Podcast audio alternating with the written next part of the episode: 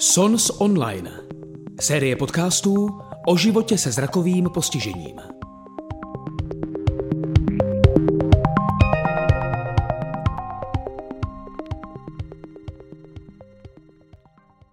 Já vítám eh, všechny účastníky na další besedě eh, v rámci projektu Sons Online. Takže všechny vítám a hlavně tedy našeho hosta. Petře, dobrý podvečer. Dobrý podvečer, já zdravím. tak, děkuji, že jste přijal pozvání i po druhé. Byl tady velice příjemný ohlas. Byly i hlasy, které lítovaly, že se zrovna nemohli zúčastnit, někdo z technických důvodů, někdo i z časových. Takže uvidíme, jestli se nám podaří nějaký záznam. Já bych tady jenom ještě řekla, že pro ty, kteří by chtěli ještě něco více od vás, tak já jsem s vámi poslouchala moc pěkný podcast, ale musím říct, že už jsem ho potom nenašla. Ale vy hmm. budete vědět, tak jestli nás navedete a my to pak dohledáme a dáme k dispozici. Jo. Tak uh, bylo to v pořadu Ešus na rádiu 1, je to díl ze 14. listopadu. Mm-hmm. Dá se to najít uh, na Spotify, manželka to sdílela, ten odkaz i na svém na svým blogu uh, mm-hmm. Slepá máma na cestě Facebooku. Jo, jo, takže kdo by, kdo by měl zájem a, a chtěl si poslechnout ještě něco víc, tak tam právě jste vyprávěli i o tom, jak jste se k tomu dostali a to všechno, co zaznělo už minule, k tomu se dneska už vracet nebudem. Tak. tak jo, tak my jsme minule probrali, jak, jak to vlastně všechno začalo, jak jste nejdříve jeli na obyčejnou dovolenou a pak jste zjistili, že to není ono a že sami to zvládnete lépe než s průvodcem. Povídali hmm. jsme si o tom, jak jste v podstatě už jako delší dobu žili na Kanárských ostrovech. Tam v podstatě vás potkal covid a trošičku vás přibrzdil v tom vašem rozletu. No a pak jsme si povídali o tom, jak jste dál pokračovali v cestování i autem různě.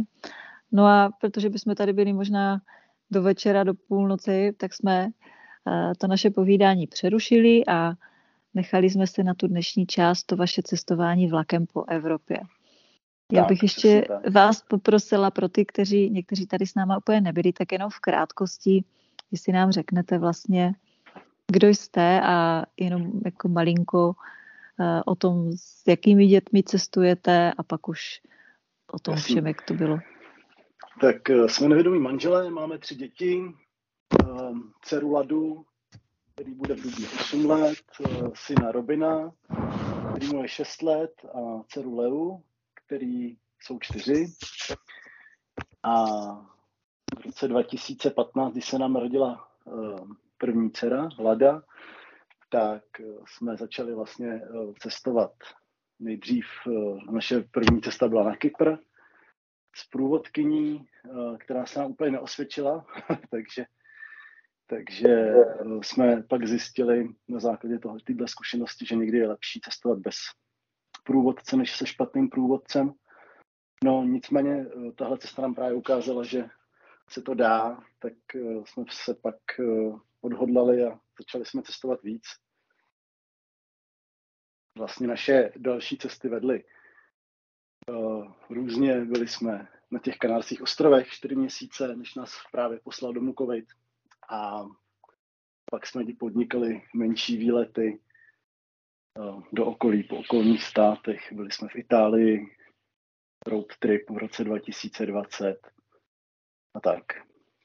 A dneska bych vám rád povídal o tom, jak jsme uh, minulé léto strávili pět týdnů ve vlaku a projeli jsme si, jeli jsme z České republiky vlakem až na Sicílii. Jsme po cestě zažili a tak. Mě by zajímalo, když jste se rozhodovali vlastně kam a jak pojedete, tak co vedlo k tomu, kam pojedete a co vedlo k tomu, jakým způsobem chcete cestovat? Tak eh, my jsme eh, cestu vlakem zvažovali už strašně dlouho, ještě dřív, než se nám narodili děti. Řekli jsme si, že to je takový způsob cestování, který je takový zajímavý. Chtěli jsme původně s manželkou asi v roce 2014, tuším, že to bylo, jet vlakem do Burgasu, do Bulharska. Přišlo nám to hodně zajímavý a uh, nakonec to z nějakého důvodu nevyšlo a další rok jsme zjistili, že už eh, vlastně ta linka Praha-Burgas, to byla vlastně sezónní linka, která fungovala asi od června do září jenom, tak je vlastně zrušená, že už nefunguje, že už se takhle nedá jet na jeden zátah tím, tím vlakem. No a pak přišly děti a to cestování tím vlakem jsme tak nějak odložili. Řekli jsme si, že někdy určitě jo, že to je zajímavá věc, určitě projet si Evropu vlakem, ale přišlo nám to hodně náročný, jednak protože s dětma člověk sebou vozí spoustu věcí, i když se snaží balit eh, tak, aby toho sebou moc neměl, tak ono se to nasčítá. Eh, když máte zabalit sebe a ještě další tři děti, které nejsou schopní si eh, vlastně nést všechny svoje, všechny svoje věci, oblečení a tak, co potřebují sami. Takže to jsme požili chvíli k ledu, nicméně pořád jsme to měli v hlavě a říkali jsme si, někdy to musíme zkusit. Je to, bude to určitě zimová zkušenost. A um, loni v květnu měl Interrail akci na jízdenky, kdy prodávali jízdenku na měsíc, dva nebo tři za poloviční cenu. A my jsme si řekli, že by bylo fajn ty akce využít a řekli jsme si, když ne teď, tak kdy. A koupili jsme si dvě jízdenky, protože jedna jízdenka byla pro mě, druhá pro manželku a na jednu jízdenku sebou můžete vzít dvě děti do 12 let. Takže tím jsme pokryli vlastně celou tu naší skupinu a dva dospělí a tři děti. No a pak už jsme začali vymýšlet, kam bychom, kam bychom vlastně tím vlakem po té Evropě vyrazili, na jak dlouho a tak. Takže jestli to chápu správně, vy jste si nejdřív koupili jízdenku a potom jste ano. teprve hledali, kam byste jeli, jak to funguje? Přesně tak, no.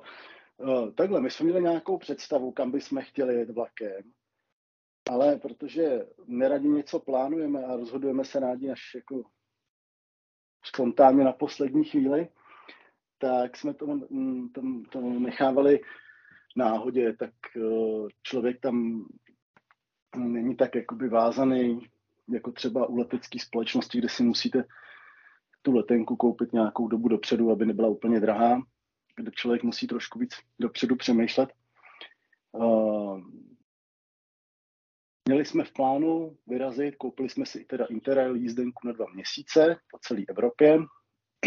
No a měli jsme takže, takže já, já musím říct, že to neznám, takže proto se ptám. To znamená, že vlastně jo. člověk si může koupit nějakou jako jízdenku, která není mm-hmm. nějak omezená na kilometry, ale je, je jako omezená časově? Časově, nebo... přesně mm-hmm. tak. Mm-hmm. Tam jsou, eh, tam je několik druhů jízdenek. Eh, tohle je hm, Global Pass, který platí po Evropě.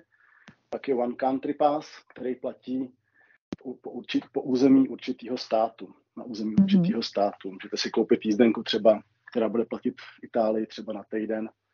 Pak na tu jednu jízdenku, která má tu platnost ten týden, můžete projet, můžete používat uh, uh, dráhy italský. Mm-hmm. Tak, uh, A já, já se ještě zeptám tady k tomuhle, když vy si koupíte mm-hmm. tady tuhle jízdenku, tak potom na ty jednotlivé vlaky, kterými potřebujete jet, tak ještě potom zháníte nějaké třeba místenky, nebo pak už jenom tak jako jezdíte bez? Já, já se k tomu dostanu. Jsou mhm. vlaky, mm-hmm. který, na který ty místenky eh, potřeba jsou. Jsou vlaky, kde je potřeba rezervace. Většinou to jsou uh, vlaky na nějakých hlavních vytížených tratích. V některých, v některých státech to jsou skoro všechny vlaky. Někde to jsou jenom některé vlaky. Nicméně, uh, když chcete někam jet, musíte si uh, najít tu trasu, to spojení v aplikaci Rail Planner, která eh, vlastně vám vloží tu, tu požadovanou trasu, ten spoj do vašeho takového itineráře, který si tam vytvoříte v té aplikaci, kde máte tu jízdenku nahranou a tu jízdenku vám pak chodí ověřit normálně průvočí, tu ukáže to potom průvočímu. No a mm-hmm. v některých těch vlacích je potřeba rezervace a to se nám vlastně stalo. My jsme původně chtěli jet eh, přes Německo do Francie a z Francie do Španělska, ale protože Španělsko potřebu, ve Španělsku potřebujete na ty jejich expresní vlaky rezervaci a ta rezervace, a oni to neumějí udělat elektronicky v dnešní době ještě, což je dost jako překvapivý, tak uh, ty jízdenky na ty konkrétní vybrané spoje posílají poštou. A protože my jsme tohle, tuhle jízdenku kupovali někdy na začátku května a uh, rozhodovali jsme, nebo vybírali jsme ty destinace a ty spoje a plánovali jsme to tak nějak už od začátku, nebo od poloviny června až, tak uh, to doručení té jízdenky papírové vytrvalo moc dlouho, takže by nám nestačila přijít. Takže museli jsme z tohohle toho důvodu škrtnout Španělsko. Jediná jako jiná možnost byla ještě jako vyzvednout si někde tu jízdenku ve Španělsku na nádraží. No. Jenomže to by nebylo tak jednoduché, nejdřív bychom se do toho Španělska museli dostat. Takže mm. nakonec jsme to vymysleli jinak. Ono se nám tam vlastně nakonec i na poslední chvíli měnily plány, ale to je na, to nás naštěstí ne, nemělo jak zaskočit, protože tím, jak nic neplánujeme dopředu a jsme časově poměrně flexibilní, tak i ta znáhlá změna na začátku, protože původně bylo v plánu jet na začátku července eh, autem Slovinsko s kamarádkou, ta si ale něco udělala s nohou a my jsme tím pádem měli o 14 dní dřív volno na ten Interrail a mohli jsme si eh, ho aktivovat dřív, protože vy si koupíte tu jízdenku Interrail na dva měsíce a ona vám začne platit, musíte ji aktivovat do jednoho roku od zakoupení. Takže v momentě, kdy ji mhm. aktivujete, tak vám začne běžet ta uh, lhůta. Buď je to ten měsíc, dva, tři nebo kratší lhůta. Oni tam jsou potom ještě další, další typy těch jízdenek, kdy třeba si koupíte pět dní v měsíci, jo, který využijete na to cestování tím vlakem. Takže my jsme tak... nakonec vyráželi, no. Takže v podstatě, v podstatě vy jste zjistili, že máte o 14 dní dřív, jako už, už jako můžete vyjet. Tak, Jak jste si řekli, tak jo, jedem. Nějak jste teda pobalili ty děti. Já bych řekla, že čím větší děti, tak jak je to, víc věcí nebo méně věcí?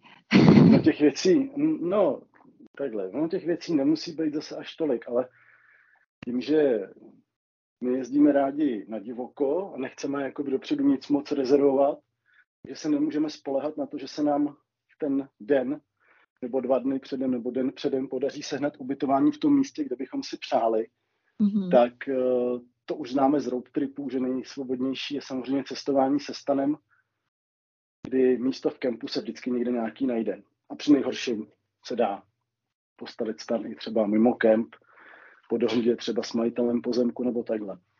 Takže my jsme to brali tak, že jsme se bavili na, poměrně natěžko, byli jsme s veškerým vybavením na kempování, brali jsme si prakticky všecko, kromě vaření. Vaření jsme nechali doma, takže jsme sebou měli stan, karimatky, respektive dva stany,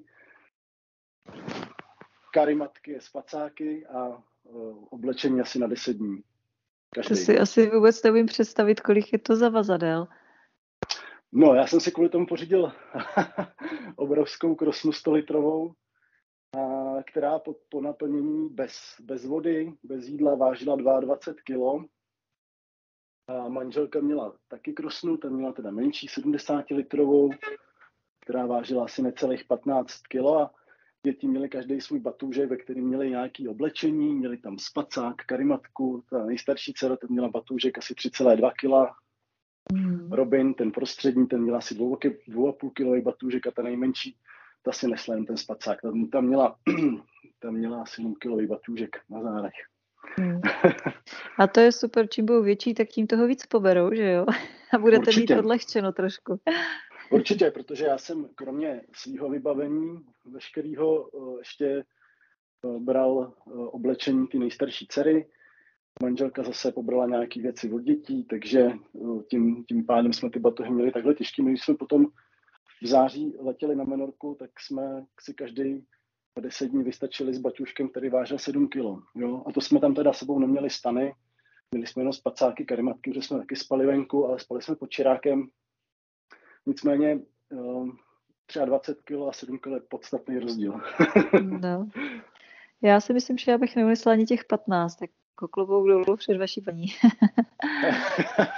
Ona je zvyklá, tak jo. Ona se naučila tyhle věci nosit, když, když jsme měli děti malý, tak nosila šátku, tak Jasně, má no to já jsem taky nosila a mám pocit, že od té doby jako se nemůžu zbavit bolestí v zádech, takže to je, to je skvělé, že to takhle zvládla.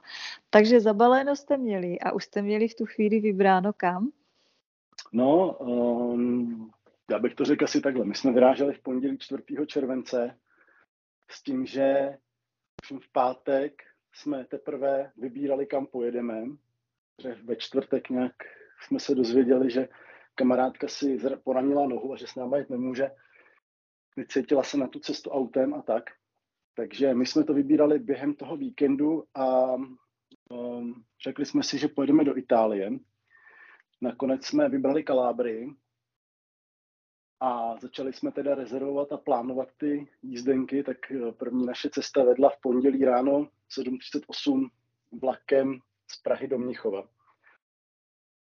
Uh, no, do Mnichova jsme nedojeli tím vlakem, který jsme, který jsme si vybrali nakonec, protože měl obrovský spoždění a skončil jízdu ve Švandorfu, eh, kde nás eh, asi s dvouhodinovým nebo tříhodinovým spožděním vysadili z vlaku a řekli nám, že musíme počkat na jiný vlak. Tam nám teda někdo poradil, že můžeme jet lokálkou, nějakou místní, do Regensburgu, myslím, a tam tut pak vlakem do Mnichova. No nakonec jsme to teda takhle udělali, ačkoliv eh, jsme se do toho Mnichova dostali tím vlakem, který jel z Prahy o tři hodiny později nebo později, eh, který teda nakonec do Mnichova dojel. My jsme v Mnichově měli na přestup, měli jsme pokračovat dál vlakem směr Verona, měli jsme vystoupit v Brenneru. Eh, měli jsme původně v Mnichově na přestup právě ty tři hodiny, a z těch tří hodin nám nakonec zbyly, bylo pět minut. a stihli jste to? Stihli jsme to, bylo to, bylo to klika. Už jsme si říkali, že mm, asi, asi budeme muset najít náhradní uh, ubytování v Mnichově, nebo budeme muset vymyslet, kam se přesuneme ještě z Mnichova směrem k tomu Brenneru. To je vlastně už na pomezí Rakouska a Itálie kam se přesuneme dál, kde strávíme noc, protože už byly tři hodiny odpoledne, nebo tak nějak, kolem třetí hodiny odpoledne. Nicméně se nám podařilo ten vlak na tu Veronu stihnout. Byl to skoro zázrak. Vyběhli jsme z toho vlaku z Prahy a vůbec jsme to na um, Mnichovském nádraží neznali, jenom jsme cítili, že to je obrovský prostor. Nicméně pohotově nám pomohl jeden pán v podchodu, který nás nasměroval na správnou stranu, na správný výlez a na správný schody. No a o zbytek už se postarala Lada, která nám přečetla uh, název, název uh, respektive číslo toho, toho nástupiště a tak dál. My jsme tam vyběhli po těch schodech, já s tou třeba 20 kilovou krosnou, 25 kilovou krosnou na zádech. A uh, akorát ve dveřích stála paní průvodčí a už dávala pokyn k odjezdu, ale viděla nás, tak ještě, ještě počkal. Ještě jsme to stihli. Naskočili a... jsme do vlaku a našli jsme si místa a mohli jsme pokračovat dál v cestě, takže se nám hrozně ulevilo. a vy když, takhle, vy když takhle cestujete, zvažujete někdy takovou tu asistenci na těch drahách a podobně? Funguje to v třeba nikdy, jsem to ne, nikdy jsem to nevyužil. Mm. Na letišti jo, na letišti už jsem to využil několikrát, ale mm, takhle na nádraží ještě ne a nevím, jak to funguje v Německu. Každopádně on se vždycky najde někdo, kdo eh, nám, nebo vždycky se našel někdo, kdo nám Jasně. Eh, pomohl. I když třeba tam byla někdy jazyková bariéra v Itálii, mm. vždycky se našel někdo, s kým se dalo nějakým způsobem domluvit a nás nasměroval do správného vlaku. Mm. Jednou se nám stalo teda, no, abych teda nekecal, tak se nám stalo jednou, že jsme nastoupili do špatného vlaku, ale to byla spíš chyba na naší straně, protože jsme nevěděli, že tím směrem jedou vlaky dva, akorát každý to bere po jiné trase a že teda, abychom se dostali do té naší zastávky, na který, kam jsme chtěli, tak na který jsme měli vystoupit, tak musíme jít jiným vlakem, takže jsme postřihli Jinudy. s jedním přestupem, no, s jedním přestupem jsme se museli pak vracet, vracet kousek. K tomu se taky třeba ještě dostanu.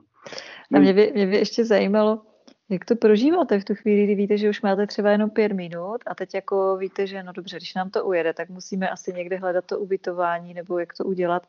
Já si umím představit, že dva dospělí ještě tak jako nějak dobře, ale vlastně s těma děma, třema dětma, já vím, že vy jste takový jako, jako pohodáři a hned vás něco nerozhodí, ale stejně. Jste v klidu v tu chvíli, anebo už je to takové jako, že no, nějaký nervózní? Napětí cítit, nějaký napětí určitě cítit je, ale um, já si vždycky říkám, že uh, jako nic nejde, no, tak uh, my si snažíme ty cesty plánovat tak, aby když se něco takového stane, tak uh, aby člověk nemusel řešit jakoby nějaký další věci. Navíc to je právě ta ohromná výhoda toho, když člověk cestuje a nemá nikde nic zarezervovaného, nemusí řešit žádný storna, že někam nedojede a tak dále, není nějak vázaný a může vlastně plány měnit během té cesty a kam dojede, tam dojede. A tím pádem to není takový stresující. No, kdyby člověk měl zarezervovaný nějaký ubytování, tak by to třeba hrotil víc, byl by z toho víc nervózní, pak by byl víc naštvaný, kdyby to nestihl, ale takhle, takhle se nic vlastně neděje, no. Tak jsme nedojeli tam, kam mm. jsme chtěli a je to taková hra, je to zábava. Člověk to nesmí brát moc vážně. mm. Takže jste ten vlak stihli a pokračovali jste teda? Pokračovali jsme dál a naším cílem byl teda kemp v Brixenu. Takže nás čekala cesta eh, z Měchova do Brennera a pak z Brennera do Brixenu. On ten vlak sice, eh, ten, kterým jsme jeli do toho Brennera, on jede až do Verony, tuším, a, nebo, si, nebo jo, jede až do Verony a jede i přes ten Brixen, ale je tam právě háček v tom, že do, do Brennera nepotřebujete rezervaci. Od Brennera dál, když je to už jenom jedna zastávka do toho Brixenu, je potřeba rezervace. Ta rezervace stojí na hlavu třeba 20 euro, což by znamenalo, že by nás ta cesta stála 100 euro. Tím, že my jsme vystoupili v Brenneru a za půl hodiny nastoupili do lokálního vlaku do Brixenu, jsme těch 100 euro ušetřili. Byla vlastně naše motivace, proč nerezervovat. Další věc je, že rezervace znamená zase nějaký závazek. Jo? Kdyby jsme ten vlak ne, nestihli, tak jsme přišli právě o 100 euro. Mm-hmm. Jo? A to, to se nám nechtělo eh, riskovat a nakonec to fakt, eh, kdyby jsme ho nestihli, tak eh, to by se pak člověk zase trápil kvůli tomu, že nikdy něco zaplatil a nestihl to. Mm, a tomu, tomu se tady těm, těm věcem snažíme vyhybat. Takže, takže jsme byli vlastně z Nichova do Brennera, tam jsme dorazili asi kolem bych už si ty časy přesně nepamatuju, ale bylo to kolem sedmi, třeba půl osmá. Byli mm. jsme tam 20 Takže po 12 hodinách zhruba, dá se říct. Ano, přesně mm. tak, 12 hodin na cestě vlakem ještě s takovým dobrodružstvím v tom Mnichově. a ta cesta tím vlakem je naprosto pohodová. Ehm, my jsme využili toho jednak, ehm, jednak my jsme měli jízdenky do první třídy s tím Interrailem, tam se ještě člověk může vybrat, jestli chce druhou nebo první třídu když bude cestovat. My jsme si na doporučení vybrali první třídu, tam zase takový cenový rozdíl nebyl. A hlavně uh, jsem se někde v nějakém článku dočetl, že v případě, že člověk pak potřebuje uh, nějakou tu rezervaci, tak do té první třídy to bývá volnější, že se může stát, že ta druhá třída třeba bude obsazená, člověk se do toho spoje ani nedostane, protože už tam všechno bude obsazené. Tak proto mm-hmm. jsme si vybrali tu první třídu, aby jsme měli nějakou šanci když bude druhá třída obsazená, že, že se dostanu do té první třídy. A to cestování tím vlakem je hrozně pohodlný, když se teda e, cestou nestane to, že máte tříhodinový spoždění za Prahou. Takže dojeli jste na nádraží a, a co dál? No, tam jsme si počkali na, na pláček do toho Brixenu. Mm-hmm. Už byla spíš taková lokálka. Um, dojeli jsme do Brixenu, tam jsme dojeli asi nějak po devátý hodině, nebo tak nějak. Ta cesta tam trvala asi 40-50 minut. No a pak jsme měli najít kemp v Brixenu, který byl asi dva, tuším dva kilometry od nádraží. Takže nás čekala pak ještě cesta s bagáží uh, přes město toho kempu. Jsme si našli spoj, autobusový spojení. Uh, domluvili jsme se s řidičem, kde potřebujeme vystoupit a on, on nám potom dal vědět, eh, až to přišlo, protože eh, zastávky, zastávky tam hlášeny nebyly a my jsme nevěděli, my se nám se nepodařilo najít, uh, u jaký autobusové zastávky by bylo nejlepší vystoupit, nebo na jaký autobusové zastávce by bylo nejlepší vystoupit, aby jsme u toho kempu byli co nejblíž. Takže do kempu jsme se dostali asi někdy třeba v půl jedenáctý. Jedenáct, ne. Mm. Mě, by ještě, mě by ještě zajímalo, když se vlastně takhle potřebujete různě po světě domluvit, jaké jazyky zvládáte? Tak zvládáme se domluvit. zvládáme se domluvit anglicky, manželka mít dobře anglicky, hodně dobře anglicky bych řekl. A mm, pak tam taky funguje nějaká Němčina, španělština, trochu už italština. Jak člověk cestuje, tak se ty jazyky taky různě jako nabalují, že člověk si osvojí nějakou základní slovní zásobu. Důležitý jsou důležité umět pozdravit, poděkovat, aby hmm. člověk uměl čísla a ten zbytek už se vždycky nějak, nějaký základní fráze a ten zbytek už se vždycky nějak uh, doladí. Tady se mluvilo italsky a německy převážně, je to na pomezí, takže jsme si tam pomáhali různě, no, Němčinou, nějakýma italskýma výrazama a tak. Mm. A nějaký, nějakou aplikaci na překlady? Taky, no, eh, to používáme třeba Google překladač, mm. je jako fakt, eh, když je do tuhýho. mm, a je potřeba rozumět, rozumět i detailům nějakým. Mm. Takže jste přijeli a už byla v podstatě tma? Už byla tma, teď ještě eh, Brennero, to je průsmyk, městečko v průsmyku, poměrně vysoko v horách. Do Brixenu se pak klesá poměrně dost, už je vlastně na druhé straně Alp, dalo by se říct, už jako v Itálii. Brixen je známý, že tam pobýval Karel Havlíček Borovský, tam vlastně ve vyhnanství, ale měl se tam docela dobře, mm. jak jsme se pak dozvěděli. A um, přijeli jsme tam po tmě, ale um, měli jsme v plánu si postavit stany a, od hor, z hor přicházela bouřka, takže mm-hmm. jsme stavili stany a už, už nám začalo tak jako poprchávat a dálce bouřilo a vypadalo to, že přijde nějaká velká smršť. Naštěstí si to rozmyslela dala, dala se ne, ne, obešla nás, dala se někam jinam. Každopádně jsme stavili hodně ve spěchu, no. mm. Ale jako nebyl problém, že jste přijeli prostě takhle pozdě večer, v tom kempu prostě fungovali normálně, ne, ne, jste se tam jako ubytovali? Ten kemp byl vlastně, ten kemp eh, vlastně patřil k hotelu, mm-hmm. který měl recepci asi 24 hodin denně, jinak jsme tam teda mm-hmm. Volali dopředu, že přijedeme, že přijedeme takhle pozdě, tak uh, jsme byli uštěni, že je to všechno v pořádku a že na nás budou čekat. Mm-hmm. Když jsme tam přišli, tak, tak nám akorát slečna z recepce ukázala, kde si můžeme postavit stany a my jsme, my jsme schodili za batohy, vyštrachali jsme všechno, co je potřeba a postavili jsme si stany. No, už, zač, už začínala pršet, takže, takže jsme stavili docela rychle. První, první jsme postavili stan dětem, aby si mohli zalíst, protože byli po celé cestě utahaný. Když, jak jsem říkal, no, to cestování tím vlakem je hrozně pohodlný. My si tam rozložili ve vlaku sedačku a prakticky celou cestu z Mnichova do, do Brnera prospali. Což mm. jako bylo hrozně fajn, že se nenudili. V případě, že by se nudili, tak uh, vždycky to jistí nějaký telefon na YouTube a, a tak. mm, jasně. Takže jo, takže to byla vaše první zastávka v tom kempu. Měli jste naplánované třeba nějaké výlety, prostě nějak to tam poznat Měli... to okolí, anebo rovnou jít dál? My už jsme v Brixenu vlastně se stavovali cestou zpátky, jak jsme jeli v roce 2020 eh, road trip po severní Itálii. Tak když jsme se vraceli cestou domů, tak jsme se v tom Brixenu stavovali a měli jsme, pamatovali jsme si, že to je docela pěkný městečko horský a měli jsme se tam v plánu teďka zdržet čtyři dny a během těch čtyř dnů tam proskoumat trošku to okolí, i se víc projít po tom městě a tak. No, a to se nám vlastně splnilo, to se nám podařilo. Během té doby, co jsme tam vlastně byli, ty čtyři dny, tak jsme přemýšleli o tom, kam, kam vlastně budeme pokračovat dál, jak budeme pokračovat dál a měli jsme teda v plánu tu Kalábry, takže nás pak čekala strašně dlouhá cesta.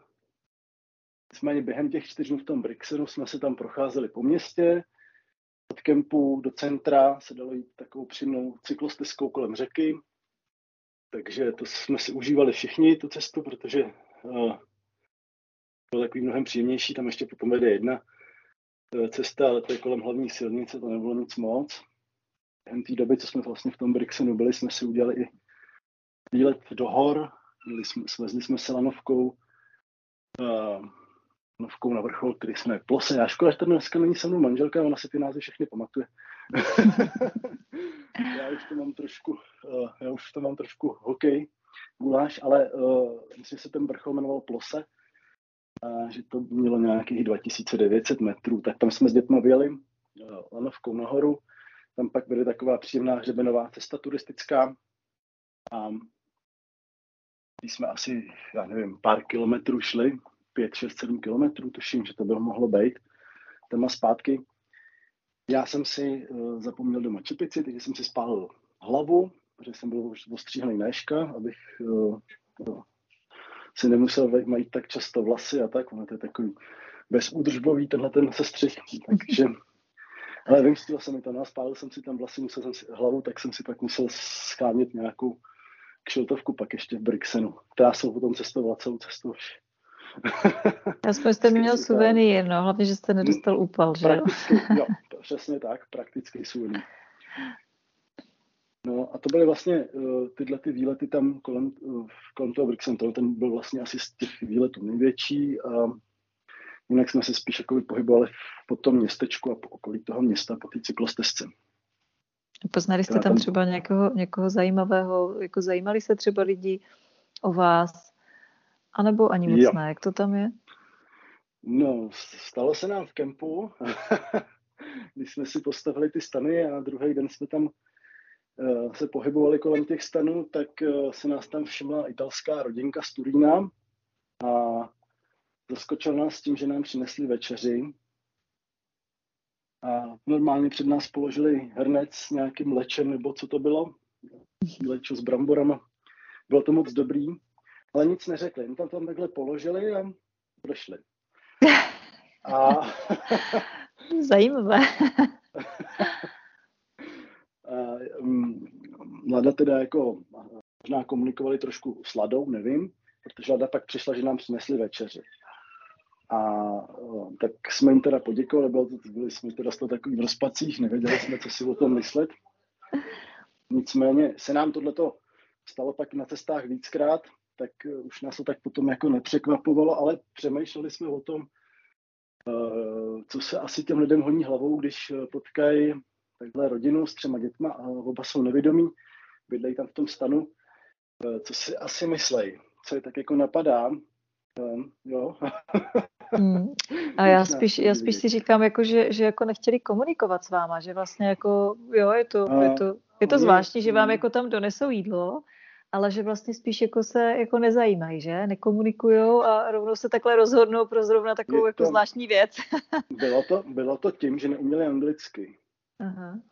No, oni se moc, moc, moc nemluvili, protože neuměli, neuměli jazyk. Mm-hmm. Takže eh, to, no, my jsme si říkali třeba, no, teď eh, je taková doba, kdy když se člověk vydá někam za hranice, tak si nemůže být jistý, jak je tam vnímaný. Stalo se nám to teď na Kypru a stalo se nám to asi i víckrát během té cesty v Itálii. My jsme si říkali, jestli, jestli nás třeba ne, nepovažují za uprchlíky z Ukrajiny. Mm-hmm. Je to možné. Možná, jo, ale zároveň taky to tak být vůbec nemuselo. Mohli, mm. mohli si myslet prostě jenom, že nevidíme a tak nás chtěli nějak nějak obdarovat něčím. No. Tak uh, jsme Ale určitě to mysleli dobře. Určitě, určitě. My jsme pak eh, zkusili pozvat do České republiky, tak nám bylo vysvětleno, že oni jsou Italové a cestují po Itálii. jo.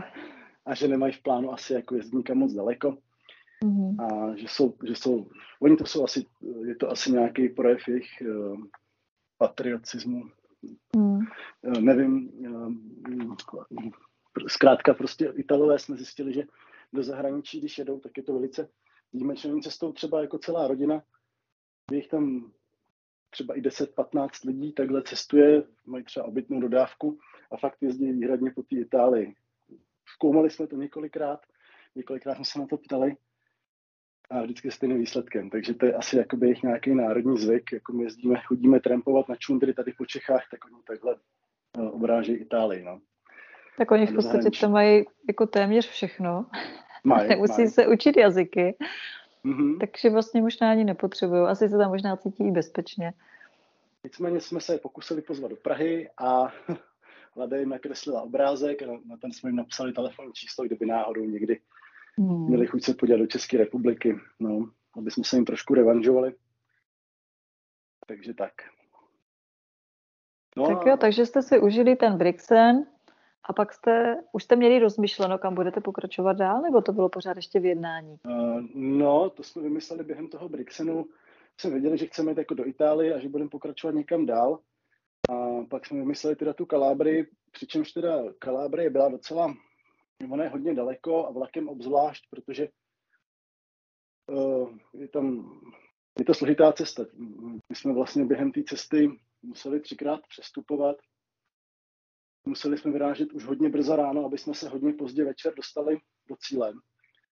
Pro nás to znamenalo uh, ve čtvrtek ráno jsme se bavili, nebo v pátek, teď si nejsem jistý, asi ve čtvrtek, no v pátek, to je jedno. Zkrátka, eh, vstávali jsme ve tři hodiny ráno, aby jsme do pěti hodin sta- stačili uh, zbourat stany, zabalit spacáky, karimatky, všechny věci, aby jsme v pět mohli už vyrazit od hotelu, tentokrát taxíkem, protože uh, veřejná doprava ještě v tuhle hodinu tam nejezdila, aby jsme už v 6 hodin byli na nádraží v Brixenu, aby jsme mohli vyrazit vlakem. A teď si nejsem jistý, jestli jsme jeli znova přes Brennero a pak do Bolzána a pak z Bolzána do Říma a nebo jestli jsme rovnou z, Br- z Brixenu jeli rovnou do toho Bolzána, to si teď nejsem jistý. Každopádně, eh, každopádně ta cesta byla eh, dost časově náročná, byla dlouhá a byla i komplikovaná kvůli těm přestupům, že se tam hm, vlastně nejdřív jsme v tom Bolzánu, dejme tomu, pak v Římě. No, v Římě jsme měli na přestup asi hodinu, tuším, a pak jsme z Říma jeli do Lamezia Terme, jsme pak jeli, nebo měli jet vlakem do Zambrona, kde jsme měli zase vytipovaný další kemp. No a my jsme eh, teda tu cestu zvládli. V Bolzánu jsme teda málem nastoupili do jiného vlaku. Eh, byly tam dva vlaky, který odjížděli přibližně ve stejný čas. Oba jeli do Říma, ale my jsme měli rezervaci jenom do toho konkrétního jednoho, takže uh, jsme nejdřív do toho vlaku nastoupili, nebo jsme do něj byli nasměrovaní, když jsme se zeptali vlak na, na, na, na vlak na Řím, že jsme nevěděli, že, že jedou ty vlaky dva, zhruba ve stejnou dobu, do stejného cíle. Nepřišlo nám to úplně logický, ale do jednoho vlaku jsme byli nasměrovaní, že to je vlak do Říma. A tam, když jsme se ptali, protože jsme měli zase rezervace, měli jsme zarezervované nějaký eh, sedadla v určitém vagónu, tedy jsme se ptali na ty sedadla, tak nám bylo řečeno, že to je úplně, že to je vlak jiný společnosti. A že musíme teda eh, nastoupit do jiného. No, takže jsme tady z toho vlaku zase museli vystoupit a museli jsme teda najít ten správný, který nás doveze do Říma, který, kde máme ty rezervace. No a to bylo jen tak tak, protože uh, protože jsme na poslední chvíli narazili na průvočí z toho vlaku a, a ten nás ten nám teda řekla, že jsme ve špatném vlaku. Kdyby jsme se to nedozvěděli, kdyby jsme na ní nenarazili, protože tam nám pomáhali akorát cestující se zorientovat v tom vagónu, tak eh, by se ten vlak rozjel a by jsme museli jet už tímhle tím, už by nám nic nezbyvalo. No, a takže... možná by vás tam nechali. Možná ano, možná by nás Já věřím tomu, že jo. že by vás jo, taky myslím. Každopádně, každopádně jsme teda nakonec nastoupili do správného vlaku a do toho Říma jsme dojeli, v Římě jsme vystoupili, nakoupili jsme si tam nějaký, nějakou svačinu na další cestu, dali jsme si zmrzku a pak jsme asi o hodinu později nastupovali do jiného vlaku, který nás dovez do a Terme No a tam se nám právě stalo to, že tam zase opět dva vlaky, stejný cíl, ale jiná trasa a nám se tam podařilo nastoupit právě do, do vlaku, který uh, sice, sice jel tím směrem, ale po jiné trati nezastavoval, nejel tu trať, kde byla ta zastávka Zambrony, kam my jsme jeli na Mízino. A protože už to bylo kolem 8 večer, tak uh, to byl jeden z posledních vlaků, kterými se tam dalo vlastně dostat. Takže my jsme se modlili, aby jsme v té cílové stanici stihli, byli včas a stihli jsme tam přestup na ten vlak, který nás vezme zpátky. Mm-hmm. do toho Zambrone, protože to byl poslední vlak, který do toho Zambrone, Zambrone jel. A my jsme pak museli zase řešit, řešit spání někde jinde, nebo jak si dostaneme zpátky do toho Zambrone.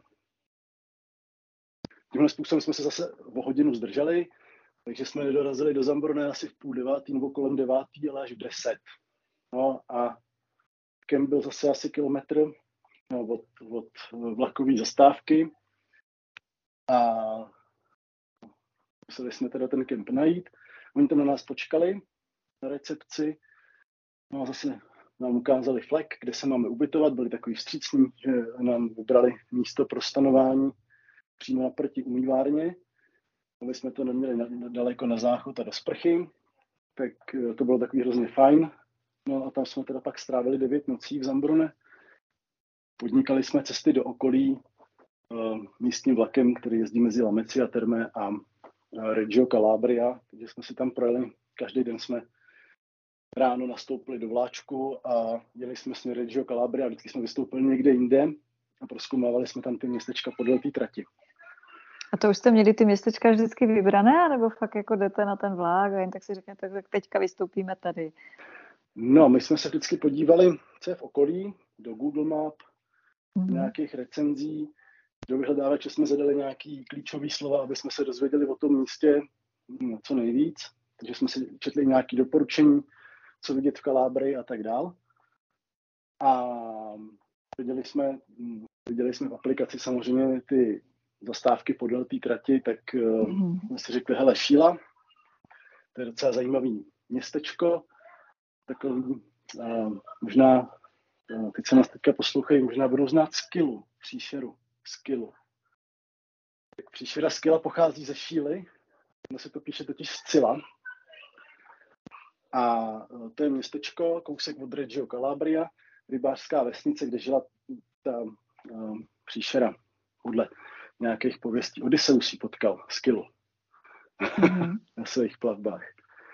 Tak třeba tam jsme se jsme se třeba vypravili, prošli jsme si to městečko, zkoušeli jsme objevit, kde to jako mohla skila teda jako bydlet. Mm-hmm. Našli jste? Jsme si to... Ne, nenašli jsme, ale bylo tam spousta zajímavých míst a takových zákoutí a tak, kde by nějaká skila klidně být mohla, ale skilu jsme jako takovou neobjevili. Objevili jsme spoustu jiných zajímavých koutů míst, ale skilu ne. a jak se to tam mají s hřištěma? Mají hřiště pro děti? No, hřiště, hřiště tam mají, není to třeba jako když jsme byli na Kanárech, že je hřiště fakt na každém rohu, mm-hmm. ale hřiště se tam najít dají a samozřejmě bez návštěvy hřiště to nešlo, no. stejně jako to nešlo bez uh, zastávek na zmrzlinu a tak. Mm-hmm. to i ty děti bavilo. No, um, že během... A jak, jak, jste, jak, jste, jak jste vlastně, když jste nebrali ty věci na vaření a tak, takže tam jste se potom stravovali jako nějak v restauraci a nějaká svačina a podobně? Různě. My jsme, jednak eh, stravovat se po restauracích je poměrně nákladný, mm-hmm. takže člověk si to sám eh, jako občas dopřeje, protože chce ochutnat místní kuchyni, to by bylo jako špatný cestování, kdyby člověk neochutnal gastronomii místní, ale um, Snažili jsme se samozřejmě to nějak kombinovat, střídat, že nás ve výsledku uh, uh, jídlo na cestách vyšlo v průměru asi na 50 euro na den, což je zhruba mm-hmm. tisícovka. Mm-hmm. 1200, no. Jo, takže, uh, a takže jsme to kombinovali různě, uh, minimarkety, supermarkety. V supermarketu si koupit nějakou bagetu k snídani, šunku, sír, salám v obědu třeba eh, se pak někde stavit různě. Dá se, dá se ušetřit tím, že člověk si dá něco někde v čínské restauraci nebo už nějaký rychlý občerstvení.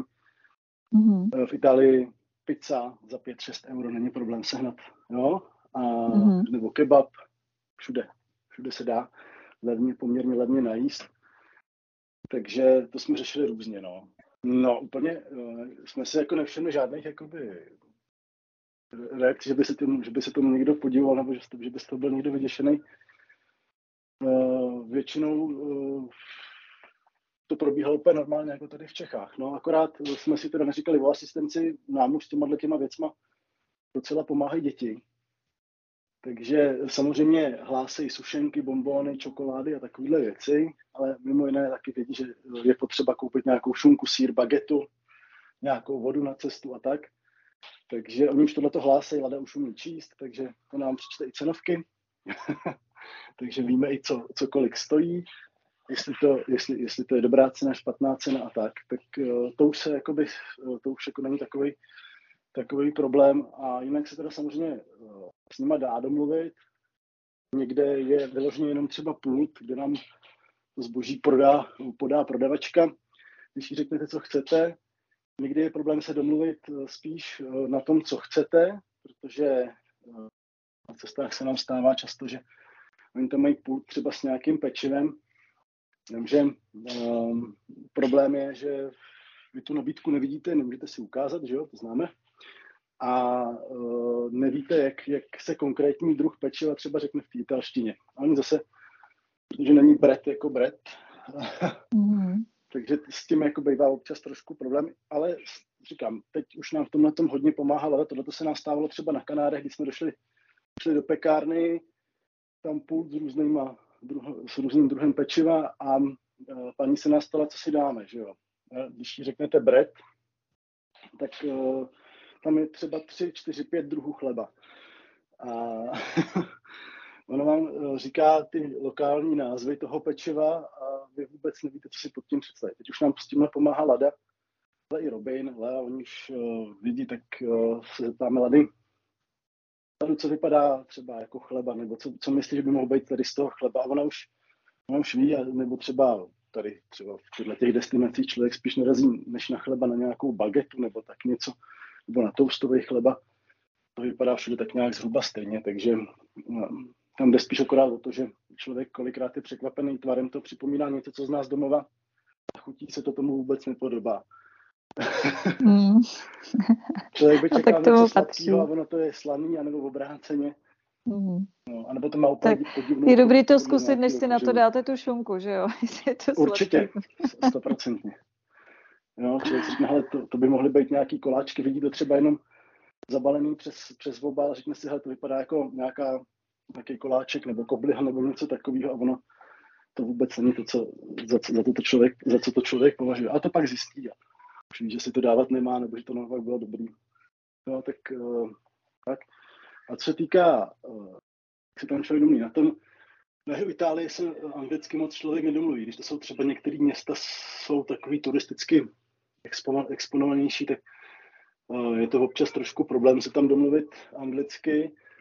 Eh, dost často se nám stávalo, že když eh, oslovíte na, na ulici někoho, tak on dělá, že vás neslyší, nevidí, radši uteče, než aby se s vámi bavil, právě protože mm. anglicky neumí. Takže něco, něco byl trošku voříšek, ale nesetkávali jsme se s tím moc často. I, i protože, jak říkám, Lada už lecos, lecos dokáže zprostředkovat, tak uh, už tam třeba není pak ta závislost na té pomoci toho okolí taková. Mm. Zvažovali jste si, že, že třeba se začnete učit ještě nějaký další jazyk, když máte takhle nakročeno cestovat? Uh, no, tak Janča se, Janča se na Duolingu učí asi čtyři jazyky. Mm. Uh, já teda mám dodělaný kurz angličtiny a uh, a přemýšlel jsem o nějakém dalším jazyce, ale zjišťuju, že mm, člověk jednak, mm, kromě toho teda, že se něco naučí doma, prostřednictvím nějakých aplikací a tak dál, tak nejlepší je prostě v tom místě, to jsme viděli třeba na těch kanárech, uh, delší dobu bejt, pak mm. se mu mhm. ten jazyk pod kůži dostává úplně jinak a mnohem rychleji a přirozenější cestou. Mm.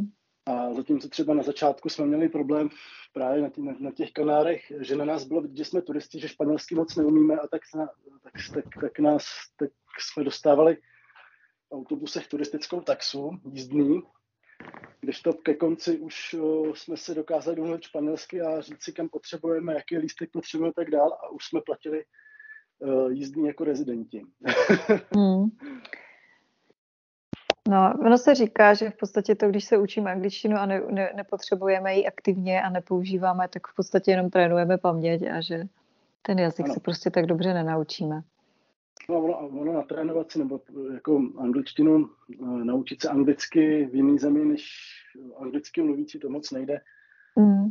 Jednak kvůli přízvuku, aby člověk dostal do sebe správný přízvuk, tak jsme byli v listopadu v Edinburgu a tam si dovedu představit, že člověk tu angličtinu jako uh, natrénoval velice dobře, ale v Itálii ji nenatrénujete. Prostě to nejde. Mm, Takže takhle jste vlastně devět nocí, jste říkal, nebo devět dní jezdili po těch okolních mhm. městečkách. Já bych vzal ty městečka asi jedno po druhém, protože každý mm-hmm. byl mhm. něčím zajímavý. My jsme si teda vyloženě vybírali, uh, byly tam i takový obyčejnější městečka, které neměly za sebou žádnou historii, nebo nic zajímavého uh, v nich se nenacházelo. My jsme si vybírali vyloženě takový turisticky zajímavější, takže jsme navštívili Pizo, tam uh, vznikla zmrzlina Tartufo, kterou jsme museli prostě ochutnat. Mimochodem je to uh, i historicky zajímavé město, mají tam pevnost, historický centrum s pevností, kde byl vězněný hrabě Murat, proto se ty pevnosti taky říká Murat, jmenuje se tak.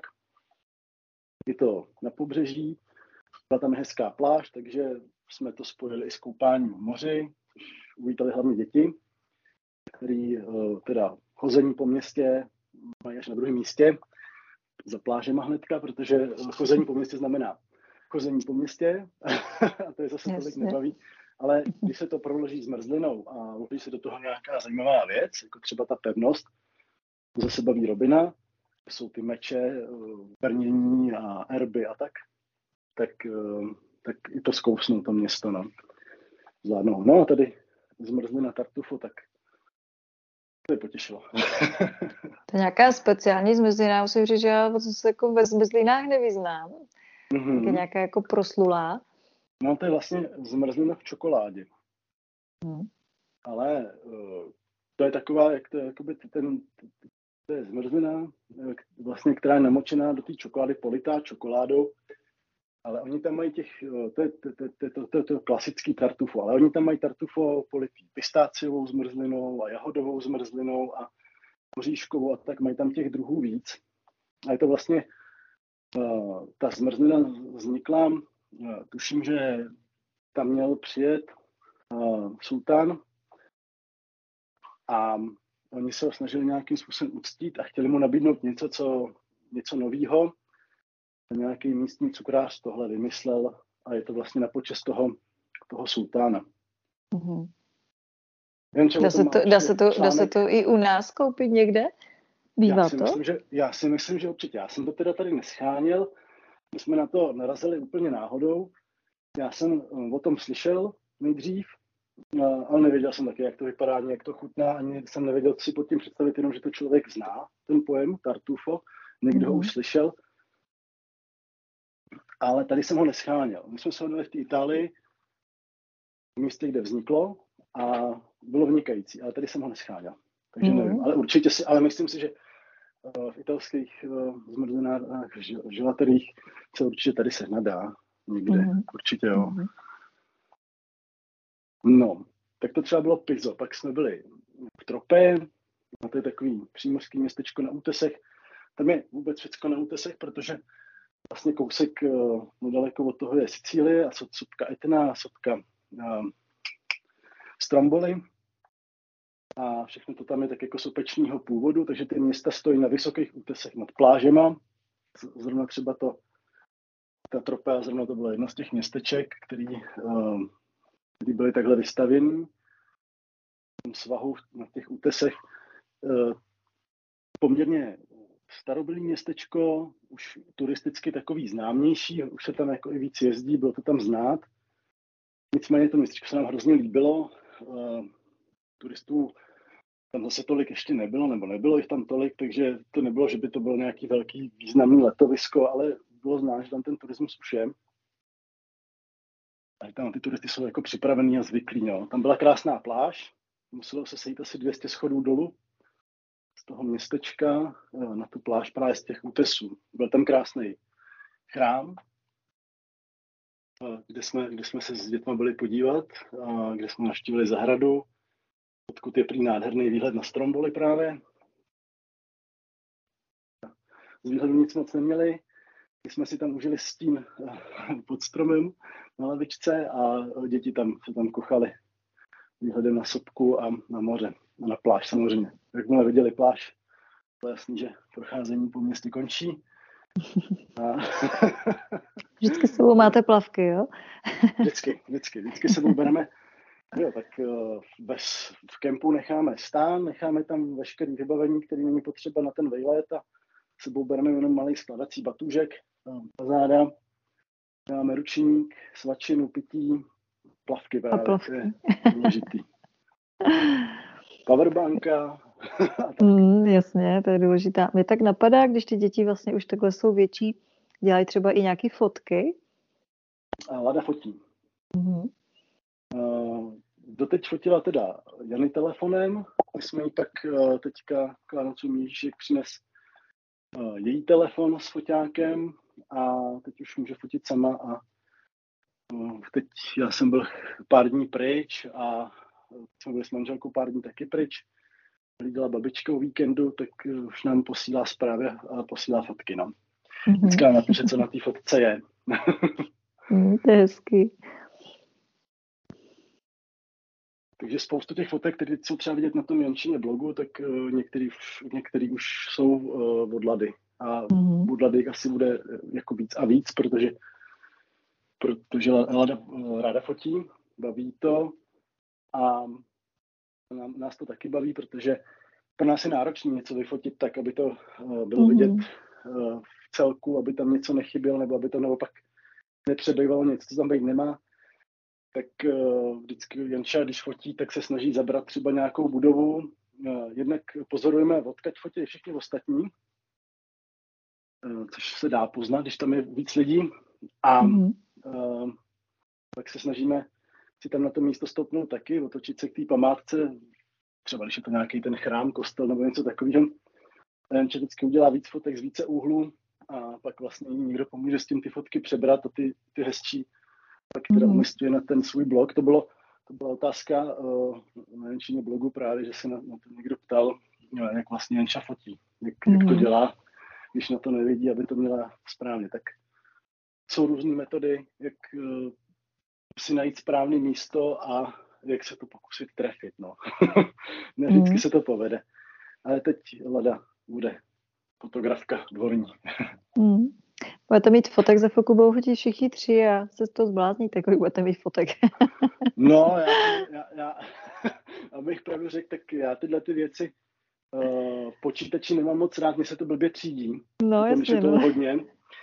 A musím vždycky tomu mít na pomoc někoho, kdo mi řekne, co na těch fotkách je a tak.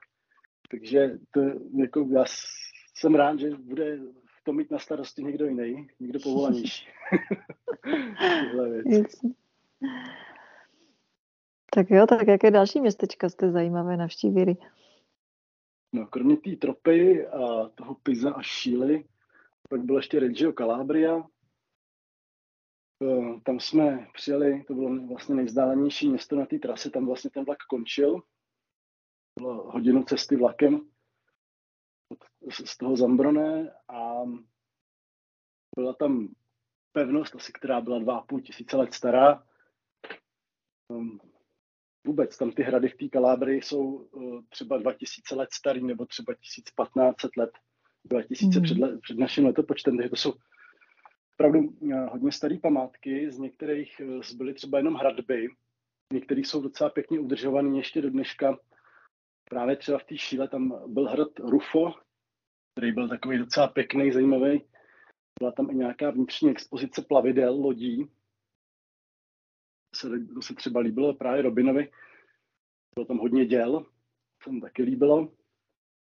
No a to jsou všechno hrady, které jsou třeba 2000, 2000 let starý. No. A tak eh, v tom Regiu, tam jsme byli vlastně se podívat hlavně kvůli té pevnosti. Chtěli jsme se tam taky podívat na pláže, které byly uh, promenáda, která měla být jako nejkrásnější v Itálii. Já vím, že to, když člověk čte průvodce, tak, eh, tak za nejkrásnější promenádu se označuje každá druhá. Mm-hmm. Takže nakonec jsme byli trošku zklamaný z té promenády. Museli jsme se tam probít městem, poměrně rušným. To Reggio je takový velký město, je to vlastně um, hlavní město celého toho regionu. A už tam bylo jako víc dopravy a víc lidí a tak. No a ta promenáda nakonec byla taková, nebyly tam žádný stromy, hodně sluníčka, výhledy asi docela pěkný, kamenitý pláže, ale nakonec jsme se nebyli ani vykoupat, nenašli jsme tam úplně jako vhodný přístup k vodě, takže, takže tam, tam měli děti smůlu. Vynahradili jsme to zmrzlinou, ale uh, to byla teda vynikající, tak aspoň, aspoň tak. No a jinak, jak jsme se bavili o tom, o tom stravování se na těch cestách, tak právě třeba v Ridgeu bylo spousta příležitostí tam, kde se jakoby levně najíst. Bylo tam hodně stánků s kebabem a hodně pizzerií. No tak, no, takže no, tam, tam jsme vlastně navštívili ten hrad starověký a pak, pak jsme si tam courali po tom městě a uh, kolem té promenády jsme se prošli. Pak jsme si počkali na vlak, na vlak vlastně zpátky. To nás překvapilo, že vlaková stanice byla pod úrovní terénu, jak něco jako u nás metro, vysekaná vlastně ve skále v útesu. Mm-hmm. My jsme ji hledali, pak jsme zjistili, že vlak jezdí někde hluboko pod náma. že jste byli na místě, ale, ale víš. Tak, přesně, přesně tak. Navigace nás vedla někam a jsme pořád nemohli najít, až jsme zjistili, že se musí jít dolů po schodech a vlastně dojdeme na, na, na peron, na nástupiště. Ale ono v mhm. Itálii ta železnice dost často jezdí jakoby pod úrovní terénu. Dost často se to zanoří někam do tunelu a jede, jede se dlouhým tunelem, pak, pak to někde vyjde na povrch, aby se to zase za chvíli zanořilo do tunelu. Nefunguje tam moc navigace, takže jsme se třeba nemohli spolehat ani na Blind Square, když jsme chtěli, aby nás upozornil na výstupní zastávku, tak bylo to způsobené jednak tím, že pořád vypadával signál v tunelech a pak mm-hmm. asi tam jako GPS signál rušilo, rušilo to vedení traťový, protože tam třeba přesnost GPS byla třeba 15-20 kilometrů. Takže se na to vůbec nedalo spolehnout. Takže jak jste to řešili? Uh, no, ty zastávky naštěstí nebyly tak daleko od sebe, vlaky tam jezdily, pom, nebo byly poměrně daleko od sebe takhle. Vlaky tam jezdily na čas, takže se dalo jako zorientovat se podle času. Mm-hmm. A taky ty vlaky dost často hlásily zastávky, takže, mm-hmm. takže tam vlastně potom jsme zjistili, že třeba ani ten blind square na to vystupování není potřeba. Mm-hmm. A nebo nám přečetl zastávku Lada, no, když to stihla. Ještě v té době neuměla tak dobře číst. Ne, neuměla číst tak rychle, takže... Ještě cizí názvy, že? Tak to je náročné. Ano, přesně tak, ještě cizí názvy, mm-hmm. tak. No, když jsme takhle projeli tuhle tu trať, ono, ta Kalábrie je vlastně poloostrov. My jsme projeli vlastně jednu, jednu polovinu toho poloostrova, druhá polovina poloostrova eh, od toho Ridge Calabria dál. Je potom městečko Krotone, kde eh, se narodil uh, Pythagoras. Mm-hmm. Tak tuhle tu část už jsme potom neproskumali, měli jsme ji potom ještě jako v plánu, jenomže se nám tam nedařilo najít žádný rozumný ubytování, jak cenově, tak uh, vzdálenostně od, od nádraží, což je asi jako největší nevýhoda cestování vlakem. Člověk jedna musí tu trasu plánovat, pak musí hledat eh, ubytování někde poblíž eh, nádraží, aby to nemělo moc daleko, když se potom chce tím vlakem dopravovat někam dál. A ono těch kempů blízko zastávek zase není tolik aby by se nám hledají, že jo? protože doma se moc nepodíváme. My jsme na to používali Blind Square a Google mapy hodně a občas se nám podařilo najít něco zajímavějšího, ale, ale tam zrovna těch kempů ani jako moc dosahu nebylo. Ven ty kempy dost často bývají někde, kde se dá dostat dobře autem, ale už hůř těž, eh, nějakou veřejnou dopravou. No. Takže mm-hmm. tam, tam jsme vybírali.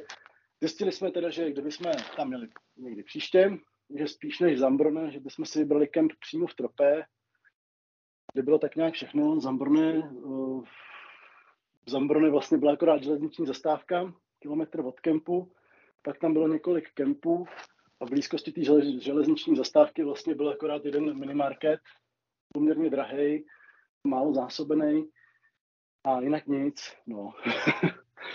Takže Zkušenost to, pro příště. to, ano, přesně tak. Kdežto ta Tropea to bylo plně vybavené město, kde bylo spousta, spousta možností, kde jak, jak, jak nakoupit. a kde člověk mohl jít třeba i večer jako na procházku do města, nemusel, nemusel být jenom v kempu. A byla tam zároveň pěkná pláž.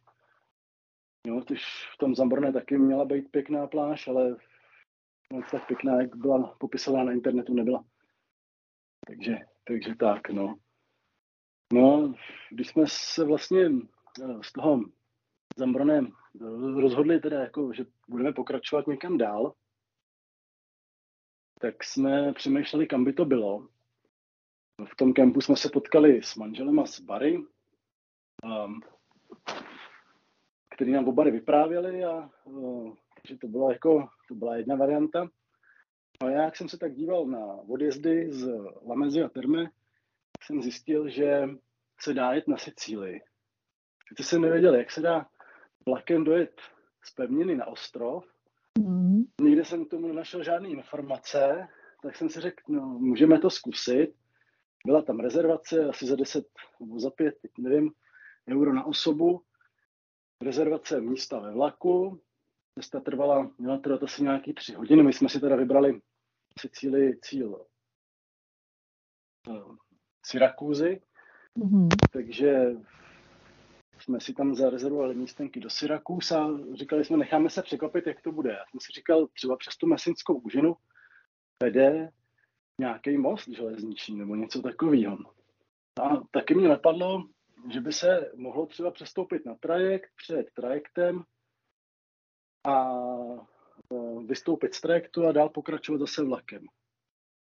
A taky mě napadlo, že by ten vlak mohl jet trajektem na ten ostrov. Ale jsem si říkal, to, mi, to je takový dost těžkopádný, neumím si to moc představit, jak naloďuju celý vlak. No nicméně ta třetí varianta byla správně, jak jsme mm-hmm. se pak mhm. přesvědčili. My jsme přijeli do Reggio Calabria, kde už potom dál v moře a uh, začali odpojovat vagóny, respektive museli připojit dýzlovou mašinu, která nás dovezla dovezla právě na ten trajekt, protože tam už potom dál ne, nevedlo na elektrický, uh, nevedly elektrický dráty, ale už to bylo bez elektriky. To se nám stalo to, že jsme děti varovali, že teda si musí dojít na záchod. Respektive takhle, když jsme jeli tam, tak jsme to netušili, takže jsme děti nevarovali, nicméně jsme celou cestu vybízeli, ať si jdou na záchod. Nechtělo se jim, Začalo jsem chtít až v momentě, kdy jsme byli odpojení od elektriky a kdy nefungovaly dveře, dali se otevírat dveře ven z vagónu ani na záchod. Mm. museli jsme to tam řešit eh, tak, že vlastně, že Lea tenkrát čůrala do pytlíku, aby se nedošlo k nějaký větší pohromě. Já se to takhle kdysi stalo syn zase čural do lahve v autě, protože jsme byli v dlouhé koloně, která se neustále posunovala, ale strašně pomalu. Teď jsme nevěděli, kdy budeme muset popojet. Jo. Takže taky jako jsme museli, tak jako dá se to vyřešit. A u dětí docela dobře. jo, u dětí ještě to docela dobrý. A my jsme měli kupečko, kupečko sami pro sebe, takže to tam ani nebylo takže nějak jako, v pohodě. Úplně v pohodě, že to vešlo bez nějakého fopa. Nicméně když jsme potom se vraceli zpátky stejnou cestou, tak jsme děti varovali, jestli by nám to bylo předplatný. Scénář se opakoval. a už jste to mi aspoň natrénovaný. jo, jo, přesně tak, už jsme věděli co a jak. No. Takže, Takže oni, nás... oni v podstatě celý ten vlak velký prostě najede na ten trajekt. Je jich tam těch vlaků víc nebo jenom jeden? Jak to funguje? Asi uh, jeden, že? Já si nejsem jistý, kolik, nás, kolik tam těch vlaků bylo ani nevím, jestli nás jako rozpojili, protože, nebo takhle, nás určitě rozpojili, protože část toho vlaku jela do, směrem jako Syrakuzy a část vlaku jela mm-hmm. do mhm. Palerma. Mm-hmm. Ono se to vlastně v té eh, Messině ten vlak uh, rozděloval a jel každý, každá část toho vlaku jela po jiné trati. Takže my jsme uh, vlastně stáli jako rozdělený na dvě části ten vlak a stáli jakoby ty vagóny vedle sebe. A bylo to teda, mm-hmm. ne, nebylo to na palubě, byli jsme v podpalubí toho trajektu, že my jsme vlastně zajeli dovnitř. Mm-hmm. A museli jste zůstat teda celou dobu tam? No, tam už nás zase napojili na elektriku pak a mm-hmm. fungovalo to tam nějak, takže se jako dalo vystoupit na palubu toho trajektu. Nicméně jsme to tam, to prostředí neznali, to bylo pro nás úplně mm-hmm. cizí a bylo takový jako docela komplikovaný od palubí toho trajektu, že jsme nevěděli, nebo já jsem třeba jako nevystupoval vůbec, já jsem neměl ani tu potřebu, nevím, že se chtěla udělat nějaké fotky, takže chtěla jít jakoby nahoru na, na, na palubu toho trajektu. Myslím, že cestou zpátky se jí to možná i povedlo, nevím, teď si nejsem jistý, myslím, že tam nějaké fotky dělala. Nicméně, eh, když jsme jeli tam, tak eh, jsme se drželi spíš poblíž toho vlaku, nevěděli jsme ani, jak dlouho ta cesta tím trajektem může trvat. Takže jsme spíš zůstali potom v tom vagónu. Většina lidí zůstávala ve vagónu, pár lidí teda vystoupilo, ale většina tam zůstala. No, zase, Jak dlouho to trvalo, ta cesta? Sama ta cesta trvala asi 20-30 minut, ale mm-hmm. uh, to přepojování trvalo asi dobrou půl hodinu, hodinu.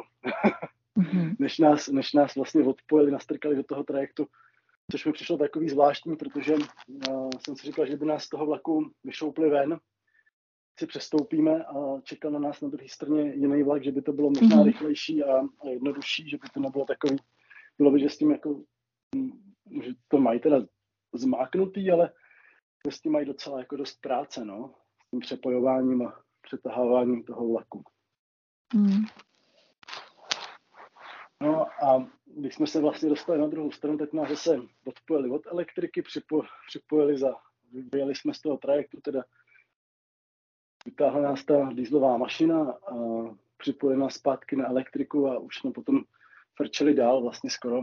Myslím, teď si nejsem jistý, jestli to v těch Syrakuzách končilo, nebo jestli to pak ještě pokračovalo kousek dál. Každopádně my jsme vystoupili, projeli jsme Taorminou, Katání a, a dojeli jsme vlastně do těch Syrakuz, kde jsme měli zase v plánu strávit asi tři dny. To už bylo 17. července. Mně se ještě cestou to jsem zapomněl říct, my se cestou v Lamezi a terme při vystupování z vlaku si podařilo, se mi podařilo zlomit si hůl, protože mm-hmm. jak jsem měl ten těžký batoh, tak se mi hůl chytla za popruh ramení a jak jsem vystoupil a uh, nepodařilo se mi tu hůl vyprostit, tak jsem se o ní opřel vlastně tím popruhem, až to udělal rup. Já jsem si pak musel uh, provizorně zpravovat uh, v Syrakůzách, abych měl, abych měl tu hůl prasklu vlastně ten druhý článek hole těsně pod tím spojením. Mm-hmm. To znamená, Myslím, že nevozíte náhradní? No, my jsme si je vyzvedli ty hole, než jsme jeli, ale pak jsme, protože eh, jsme si vyzvedávali těsně předtím, než jsme jeli, uh, tak jsme úspěšně zapomněli doma, protože já jsem je nepřipsal do seznamu. Děláme před každou cestou, děláme si seznam, respektive neděláme si seznam před každou cestou, ale máme už seznam věcí, mm-hmm. které sebou bereme. Mm-hmm. Máme tady třeba seznam věcí, když letíme letadlem a máme tady seznam věcí, když jdeme kempovat a tak, mm-hmm. kde jsou prostě vypsané ty věci, aby člověk nic nezapomněl. Vždycky se tam něco připíše, když se na, během té cesty zjistí, že něco chybělo, tak se to pak do toho seznamu dopíše. No a já jsem tam zapomněl dopsat ty uh, náhradní hole, no, takže hole A tak nějakým doma. způsobem jste to spravil a, a mohl no, jste pokračovat. Naštěstí praskla šikovně, takže Hmm. Stačilo jenom sundat ten, ten odlomený kus toho jednoho segmentu a hůl mohla fungovat dál, ale byla o 5 cm kratší. No. Hmm.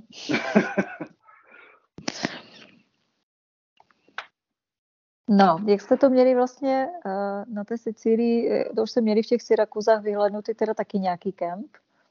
Nebo no, to bylo jinak tam, na, na, na Sicílii už to bylo úplně jiný, protože na Sicílii mm-hmm se nám nedařilo sehnat kempy poblíž uh, zastávek a tak jsme tam byli odkázaní spíš na ubytování ve městě, mm-hmm. což se jako úplně nevadilo, protože zase přece ono v okolí těch kempů není úplně jako vybavení pro pěší. Nejsou tam jako obchody a tak dál tolik, nebo když tam něco je, tak je to minim, předražený minimarket, mm-hmm. který třeba, kde voda stojí třikrát, čtyřikrát víc než uh, normálně v supermarketu. A tady v těch městech eh, nebylo drahé ubytování na té Sicílii, tam jsme platili pro nás pět, třeba 80 euro za noc, což nám mm-hmm. v porovnání s kempama, kde jsme platili kolem 50-60, nepřišlo tak strašný, ale už tam byla ta potřeba dopředu rezervovat. A to byl potom problém v srpnu, kdy Italové mají dovolenou a kdy už se nám nedařilo sehnat uh, ubytování na zajímavém nebo na dobrém místě za rozumnou cenu už to tak bylo přebraný, že třeba potom stála noc 200-250 euro. To už mhm. bylo neúnosný. Jo? Takže tam, tam už jsme potom vlastně museli ten náš uh, rail trip ukončit z toho do toho důvodu, že už se nám nedařilo sehnat ubytování na dobrém místě za rozumné peníze. Když už to bylo za rozumný peníze, tak to zase bylo někde úplně mimo, kde by člověk bez auta se těžko dostával tam, kam by potřeboval. No.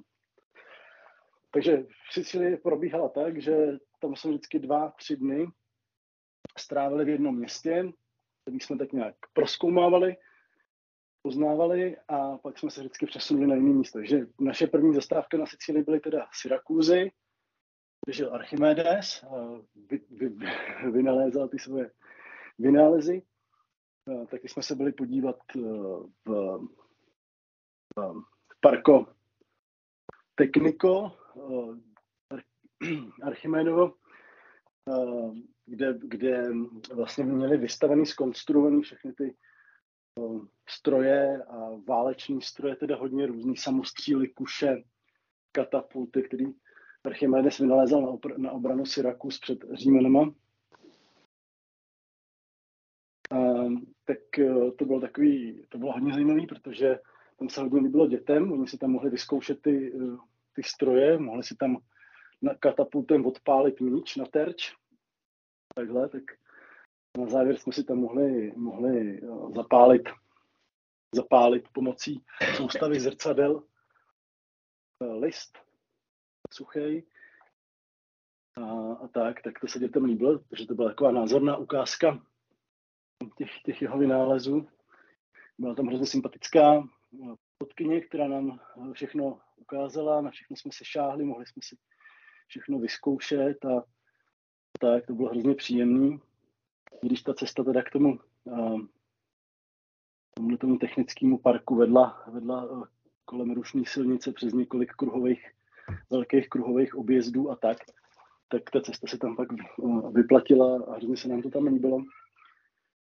A kromě teda tady tohohle z toho, jsme si tam prošli celý, celý to historický centrum, který je uh, moc pěkný, jsou tam takový křivolaký úzký uličky, zase tam je hrad, který teda není tak starý, to je hrad asi tuším z 13. století, je to spíš zase hradby, nějaká věž a tak. Není to, není to, jsou to ty hrady tak jako dochovalý, ale přesto tady ten hrad byl poměrně velký s tím nádvořím a tak, tak to, to se to zase líbilo Robinovi pro změnu, ten tam les po těch hradbách a kochal se. No a tak nějak jsme si tam užívali i tu gastronomii, chutnávali jsme tam, že to byl náš vlastně první, první naše setkání se Sicílií, takže jsme tam ochutnávali granitu, která je vlastně uh, domovem na Sicílii a tak.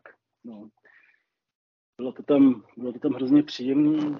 Bydleli jsme vlastně přímo v tom historickém centru, což bylo taky takový, že jsme měli všechny ty památky prakticky na dosah. Museli jsme tím pádem jakoby chodit, nějak, chodit nikam moc daleko a tam už ta Sicílie už byla taková víc jako víc taková městská, no. Tam jsme ty kempy moc nenavštěvovali a byl takový městský. Strávili jsme tam asi tři dny, pak jsme se přesunuli dál do Katánie, což bylo zase úplně jiné město než třeba Syrakuzy. Syrakuzy byly hodně historický, zvlášť to místo, tady jsme my byli ubytovaní. Katánie byla hodně, hodně dopravy tam bylo, hodně odpadků na chodnicích, hodně různých popelnic a reklamních poutačů na chodnících, takže tam se třeba jako hůř chodilo, ale jak jsme pak zjistili, tak Palermo ještě něco horšího stupínek.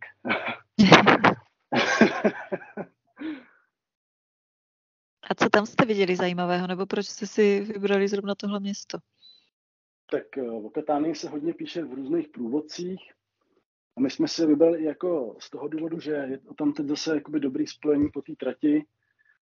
Um, mezi, tou, mezi Syrakúzama a tou Messinou. My jsme si řekli, že Eh, jakoby proskoumáme ještě jakoby další města podél té trati, kterou jsme vlastně projeli, jsme přijížděli do Syrakus a um, Katanen eh, byl takový jako přiblížení se se jakoby k té mesině, jo? která je vlastně jakoby vstupní branou na, na tu Sicílii.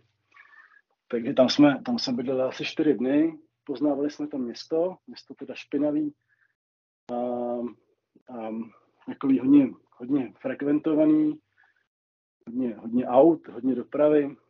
Asi bych se tam jako třeba úplně vracet znova nemusel, ale líbily se nám tam třeba místní trhy, které byly velký, měli tam hrozně moc různých druhů ovoce, zeleniny, ryb, všeho možného. A tak tam jsme si vždycky nakoupili nějaký, nějakou, nějaký ovoce, zeleninu. My jsme třeba hodně na těch cestách uh, jedli melouny, protože to bylo poměrně levný, nebo cenově dostupný, přijatelný.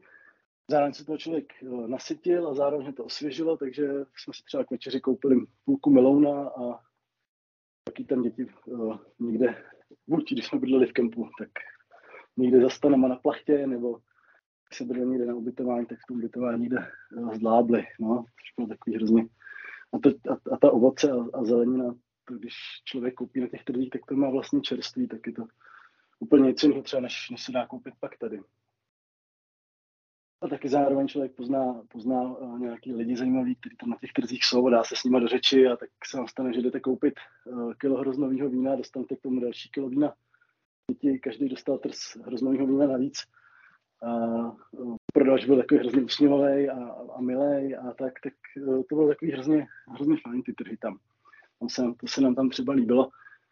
Uh, byly tam i nějaký kostely, nějaký památky, do kterých jsme, do některých jsme vstoupili na náměstí nádherný fontány. Um, nicméně teda Katánie spíš pro nás byla jako výchozí bod pro další výlety. Měli jsme v plánu uh, ještě udělat si výlet z Katány na Etnu. To se nám podařilo, nicméně nechali, jsme, nechali jsme se ukecat uh, od prodejce de facto zájezdu na tu Etnu, Ono by se tam dalo dostat po vlastní ose, jezdí tam nějaká autobusová linka přímá z Katánie pod tu sopku několikrát denně, pak se dá dostat i zpátky. Nicméně jsme si řekli, že si to možná víc užijeme, když to bude s průvodcem, když to bude nějakým způsobem komentovaný, nebo tak. Takže jsme se nechali umluvit na organizovaný výlet na Etnu. Nebyla to úplně chyba, ten výlet nebyl úplně levný, nicméně eh, určitě jako všem se nám líbil, Nicméně, jak my nejsme zvyklí uh, nechávat si organizovat ty věci, tak, tak jsme zjistili, že kdybychom si to naplánovali sami a zorganizovali sami, že bychom to měli víc podle sebe a že bychom si to asi užili víc, protože tady nás vlastně ráno dopoledne naložili do autobusu, který neměl okna, byly místo oken byly akorát takovým mřížem a foukalo tam dovnitř, a, což bylo teda v tom parnu, co teď tam bylo jako hodně příjemný. A byl to takový zajímavý zážitek, že mm, mezi člověkem a tou krajinou nebyla žádná překážka. A, no a vlastně vyvezli nás na tu etnu, ale nevyvezli nás uh, nahoru samozřejmě. Tam je to tak, že autobus vás doveze prvnímu stanovišti lanovky, tam vás vyložej, vy můžete jít nahoru pěšky, nebo si to můžete s tou lanovkou. Tuším, že ty, uh, tuším teďka, že tam jsou ty, uh, ty lanovky dvě a ani ta druhá vás nedoveze vlastně na vrchol, ta vás doveze pod vrchol a na, na vrchol potom ještě jede terénníma autobusama, který vás zase vyložejí pár set metrů pod vrcholem a tam už potom musíte pěšky. Nicméně, my jsme si teda udělali tu cestu tou lanovkou a část jsme šli pěšky a když už jsme byli v tom místě, kde se vlastně ty vypravují ty terénní autobusy, tak uh, tam už děti začaly protestovat. Ona ta sopečná krajina se jim asi moc nelíbila. Asi jim to přišlo takový smutný, hororový, nebo nevím. Uh, začali se tam i trochu bát na té etně, působilo to na ně asi ponuře. Uh, bylo horko, teplo sal jako od země, od nohou. A tak nám tam začali trošku protestovat, že už jako dál nechtějí. Mladá říkala teda, že jí, bolí, že jí bolí kolena nebo co, nebo hlava, já teď nevím. A tak jsme teda usudili, že na vrchol se s nimi asi nedostaneme, to teda vzdáme. To. Navíc nás začal tlačit čas, že jsme tam na ten výlet na tu etnu měli asi dvě hodiny a museli jsme se pak zase začít vracet k tomu autobusu, a abychom se jednak stihli vrátit do Katánie nějakou rozumnou denní dobu. A on tam potom ještě během eh, té cesty byl naplánovaný, naplánovaná nějaká zastávka někde uh, po cestě nějaká, nějaký městečko, vesnička, to městečko se teda Zefira. A um, tam, tam, tam byla jako naplánovaná nějaká ochutnávka místních místních specialit a nějakých, nějakých lokálních výrobků ze síra a vína tam byly a med a tak. Takže i z tohohle toho důvodu uh, nás vlastně jakoby uh, donutili, aby jsme se vrátili po těch dvou hodinách, no, do dvou hodin zpátky. Takže na vrchol Etny jsme nedošli až, nešli jsme pod vrchol, kolem nás jezdili ty autobusy terénní, my jsme to šli s některými lidmi takhle jakoby nahoru pěšky, ale ani, ani, ani k tomu stanovišti těch autobusů, tomu hornímu jsme se nedostali. Jak říkám, děti, děti, děti už začaly protestovat, tak jsme to nechtěli nějak lámat přes koleno a vrátili jsme se zpátky. Počkali jsme tam na ten autobus, na z toho autobusu a, jeli jsme vlastně přes tu Zefiru potom zpátky do Katánie. Tam v té Zefiře jsme si nakoupili nějaký víno lokální a, a tak, no, takže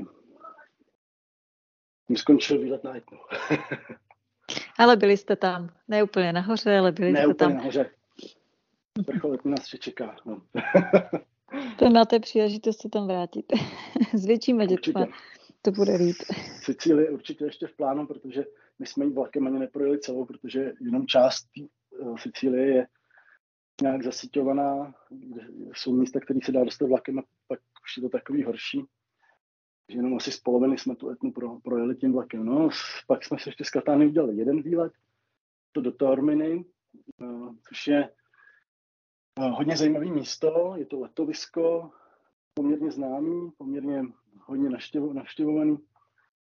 Uh, ta Tormina je zvláštní tím, že tam je jednak uh, velice starý amfiteátr, všim asi 2,5 tisíce let starý amfiteátr, který je poměrně dost zachovalý a vlastně používá se do dneška pro tu produkci. Hrajou, konají se tam koncerty, hraje se tam, hrajou se tam divadelní představení pořád. A nicméně je přístupný pro návštěvníky. Když člověk zaplatí vstupný, tak se tam může jít podívat, projít se z toho amfiteátru. Je prej nádherný výhled na Etnu. A zároveň, protože ten amfiteátr je posazený v poměrně prudkém svahu, ona celá ta taormina je vlastně v prudkém svahu a má dvě části, horní a spodní a ty, ty dvě části spojuje lanovka. Tak eh, je tam nádherný, jsou tam určitě nádherný výhledy, dětem se tam hrozně líbilo, nám se tam teda taky líbilo, amfiteátr teda zrovna pařilo sluníčko, bylo asi 40 stupňů, takže jsme se tam docela zadechali, takže jsme se hnedka museli, potom když jsme opustili amfiteátr, tak jsme se pak museli schladit zase zmrzlenou, jak jinak. A a pak jsme teda proskomovali zbytek města, je tam nádherná promenáda městem. Do města jsme se potom už nedostali do té druhé části, jednak se nám nedařilo najít tu lanovku a pak nás zase hlavně eh, tlačil čas, aby jsme se nějak rozumně dostali zpátky do té Katánie, protože jsme měli potom další den v plánu uh, vlastně Katány opustit a pokračovat dál do vnitrozemí. Takže uh, Katánie Katány, když jsme pak opouštěli, tak jsme se vydali dál do vnitrozemí, do, do městečka, který se jmenuje Ena. A tam jsme vlastně uh, jeli jakože vlakem, ale on tam je ta trať nějaká uzavřená, že vlak tam nahrazuje autobus, takže tam jsme jeli autobusem.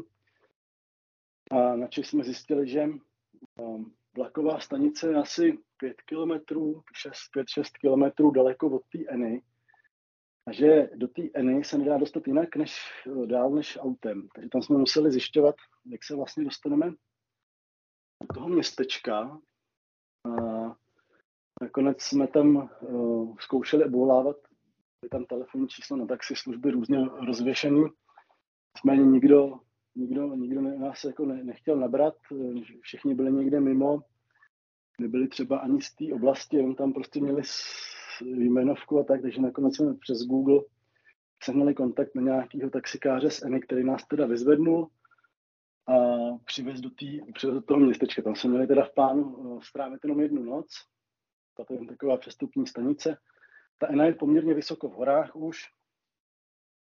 Eh, má to být údajně ehm, má to být údajně eh, střed, geografický střed Sicílie. Je to rozhodně zajímavé místo. Zase jsou tam opět nádherné výhledy. My jsme si ty výhledy teda moc neužili. Užívali si hlavně děti. My jsme je teda taky nějakým způsobem vnímali, protože to město je zase postavené na, na, na skalách. Je tam hrozně velký převýšení mezi jednotlivými bodama toho města, takže když jsme se procházeli po tom městě a pak jsme tam třeba i hledali nějakou restauraci nebo zmrzlinu nebo takhle, tak tam člověk jako hodně chodí po schodech. Občas dojde po schodech, jde, do, jde dolů, dolů, dolů a najednou dojde k, k, k zítce, kde to schodiště končí a je tam jenom vyhlídka dolů. Pár set metrů je propast a tam to končí, takže se musíte otočit a jdete zase po schodišti zpátky. Schodiště se různě klikatí a točí a vystupuje na různé takové terásky a zase, zase, zase tak. Takže to, tam, jsme, tam jsme trošku bloudili, navigace tam moc nepomůže, to se tam eh, moc taky ne, nedá jako použít. Tam jsme si hlavně vystačili s naším vlastním orientačním smyslem a taky nám zase něčem pomáhali děti a tak eh, ono nás na těch cestách nic nehoní, takže, takže když se někde zabloudíme, ztratíme, někam dojdeme, tam jsme úplně neplánovali, tak nás to nějak, nás to nějak nemrzí, tak si řekneme, že jsme se podívali někam, kam bychom se třeba, kdyby jsme to měli naplánovaný, nepodívali. A tak, no. V té Eně je starobylej hrad. V Eně, nerad bych zase říkal nic, nějakou zavádějící informaci, ale je to jeden z nejstarších hradů vůbec v Itálii. Je přístupný, nebo respektive je přístupný to, to jeho nádvoří toho hradu. Je tam i stará věž, na kterou se dá vystoupat, zase to určitý schodiště dřevěný, uh, opravdu hodně starý schodiště, mě překvapilo, že to ještě drží pohromadě. Měl jsem trochu strach, když, se, když jsme tam stoupali nahoru. Uh, nicméně výhledy z té věže musely být teda nádherný. My jsme si tam teda vystoupali a bylo to tam moc pěkný. Ten hrad, tak trénovali se tam lučištníci ve střelbě, zase obdivovali děti. No a po vyhlídce teda, co jsme se zase vrátili zpátky, tak jsme byli teda jednu noc, tak jsme si pak ještě večer udělali procházku po městě, pak jsme se tam, uh, pak jsme, pak jsme vlastně tam přespali jednu noc, ráno jsme se rozloučili. Uh, a pan taxikář nás zase hodil zpátky na nádraží a pak jsme pokračovali dál do Palerma. Respektive až, ne, ne až úplně do Palerma, vystoupili jsme dřív, jednu stanici před Palermem, kde jsme přestoupili na vlak a jeli jsme do Agrigenta. Agrigento je známý údolím chrámů, je to zase starobylý město, je tam údolí chrámů, které jsou starý 2000, zase kolem 2000, 2500 tisíce let. Spousta z těch chrámů jsou jenom torza pobořený sloupy a tak. Dětem, děti, dětem se tam moc nelíbilo, protože bylo horký počasí, tam nebyl pořádně žádný stín, takže jsme se to tam rychle prošli.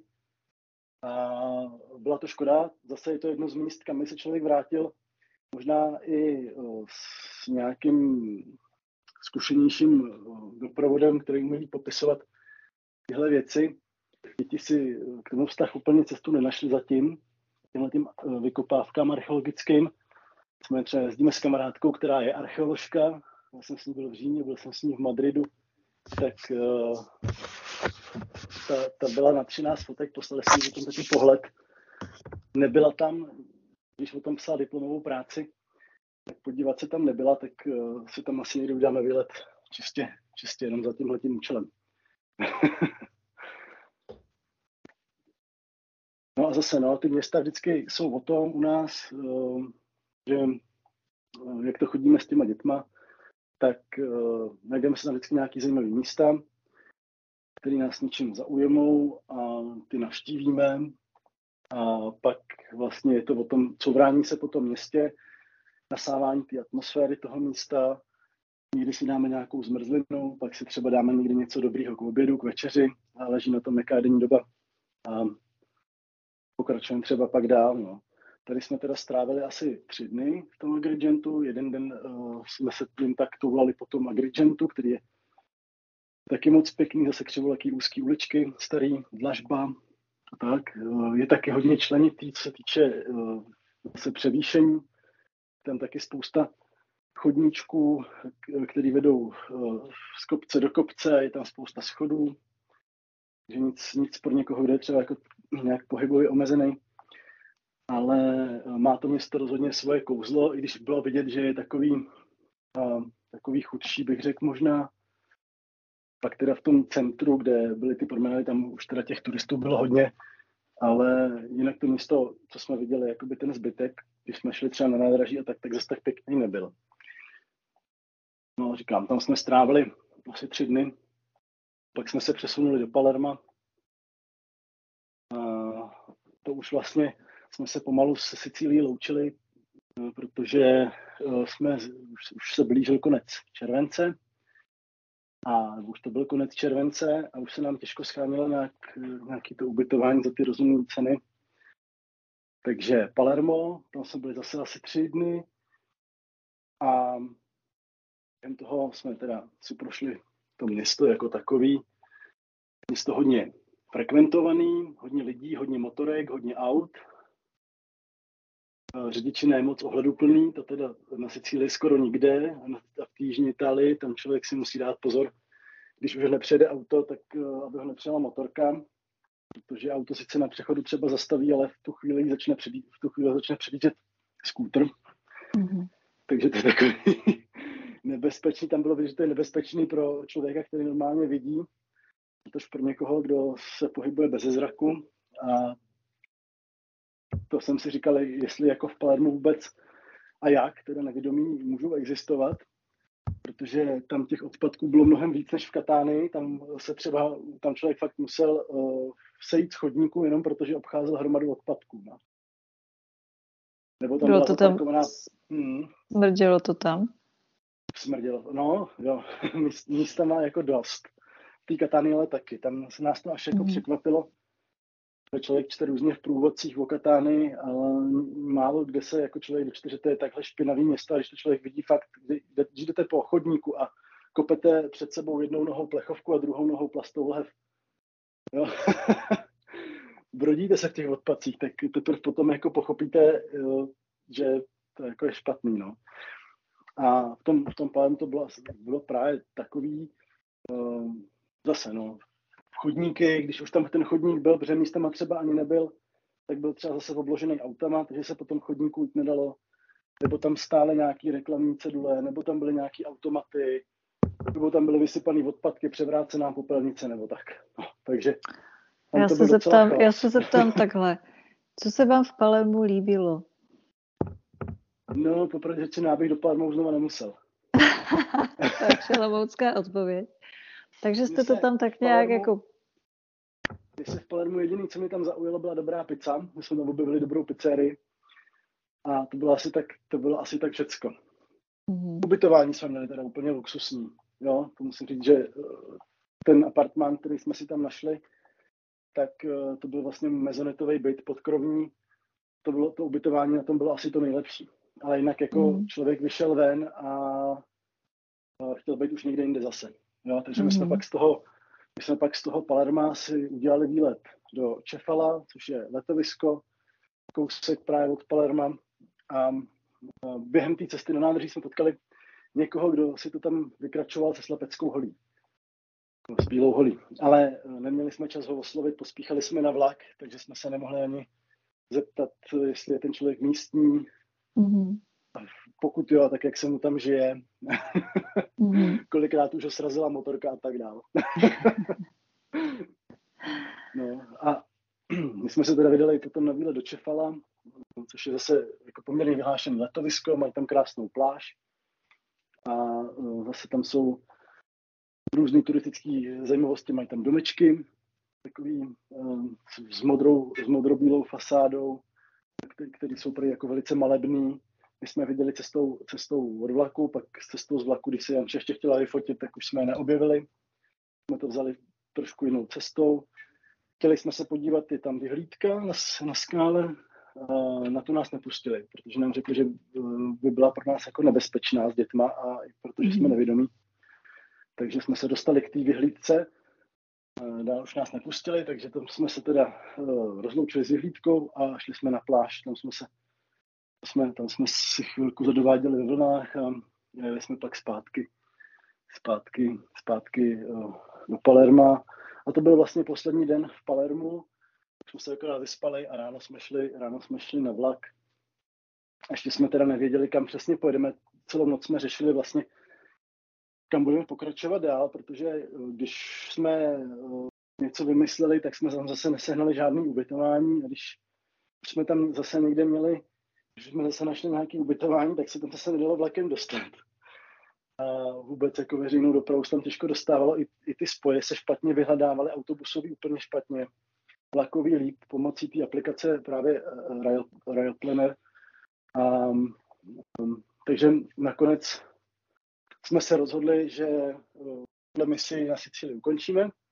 Se nám hrozně na té Sicílii líbilo a bylo nám to i líto, že ji opouštíme, ale uh, jelikož jsme právě nemohli najít už jako rozumný, cenově rozumný ubytování a ty kempy taky nebyly úplně jako dostupný kvůli vzdálenosti, tak jsme se nakonec rozhodli, že přejdeme zpátky na pevninu. No a protože už jsme byli v té době na cestách čtyři týdny, tak jsme si řekli, že už se začneme pomaličku, ale jistě vracet domů.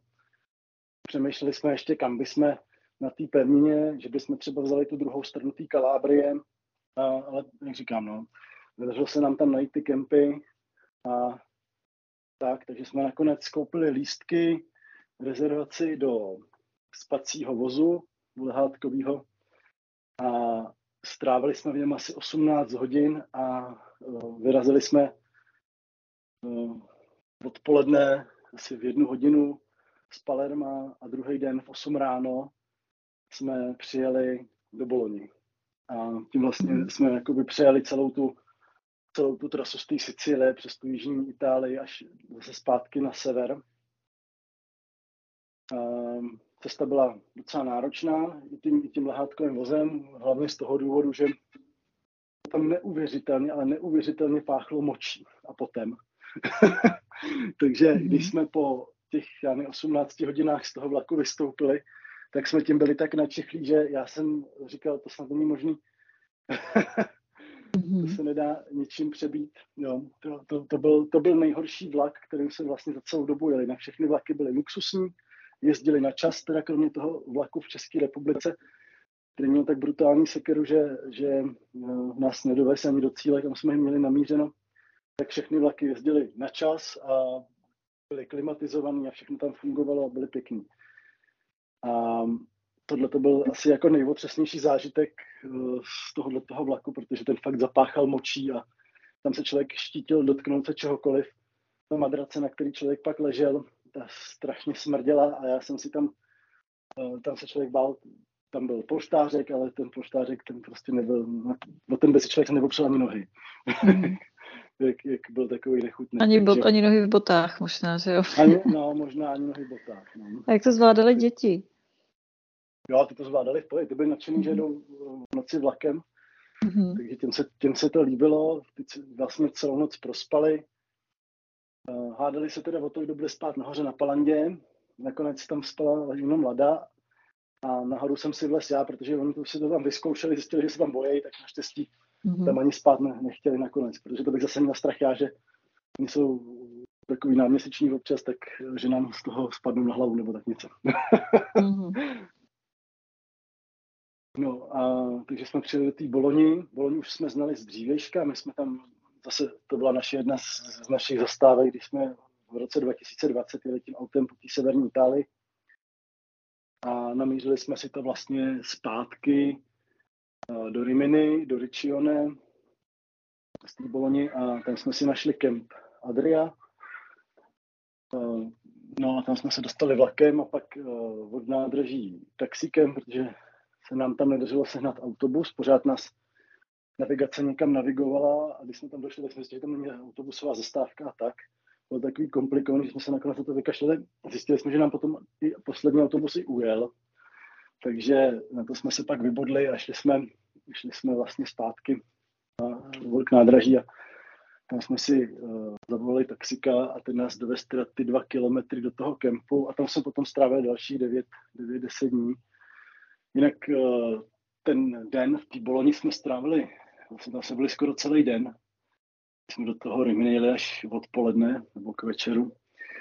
A uh, v Boloni jsme se prošli zase tam nádherný Neptunovo po náměstí se sochou Neptuna a mají tam dvojici věží, na který se Janča vylezla, zatímco já jsem, protože zase pořád všude jsme sebou tahli třeba 20 kg vážící, nebo já třeba 20 kg vážící, 25 kg vážící batoh a tak, takže jsem, se nám jako nechtělo s těma těma věcma se někde tahat po městě, a, takže zjistili jsme, tam je teda úschovna zavazadel, nějak spoplatněná, a, ale řekli jsme si, že uh, bude lepší, když já zůstanu s bagáží někde v baru a dám si tam pár piv,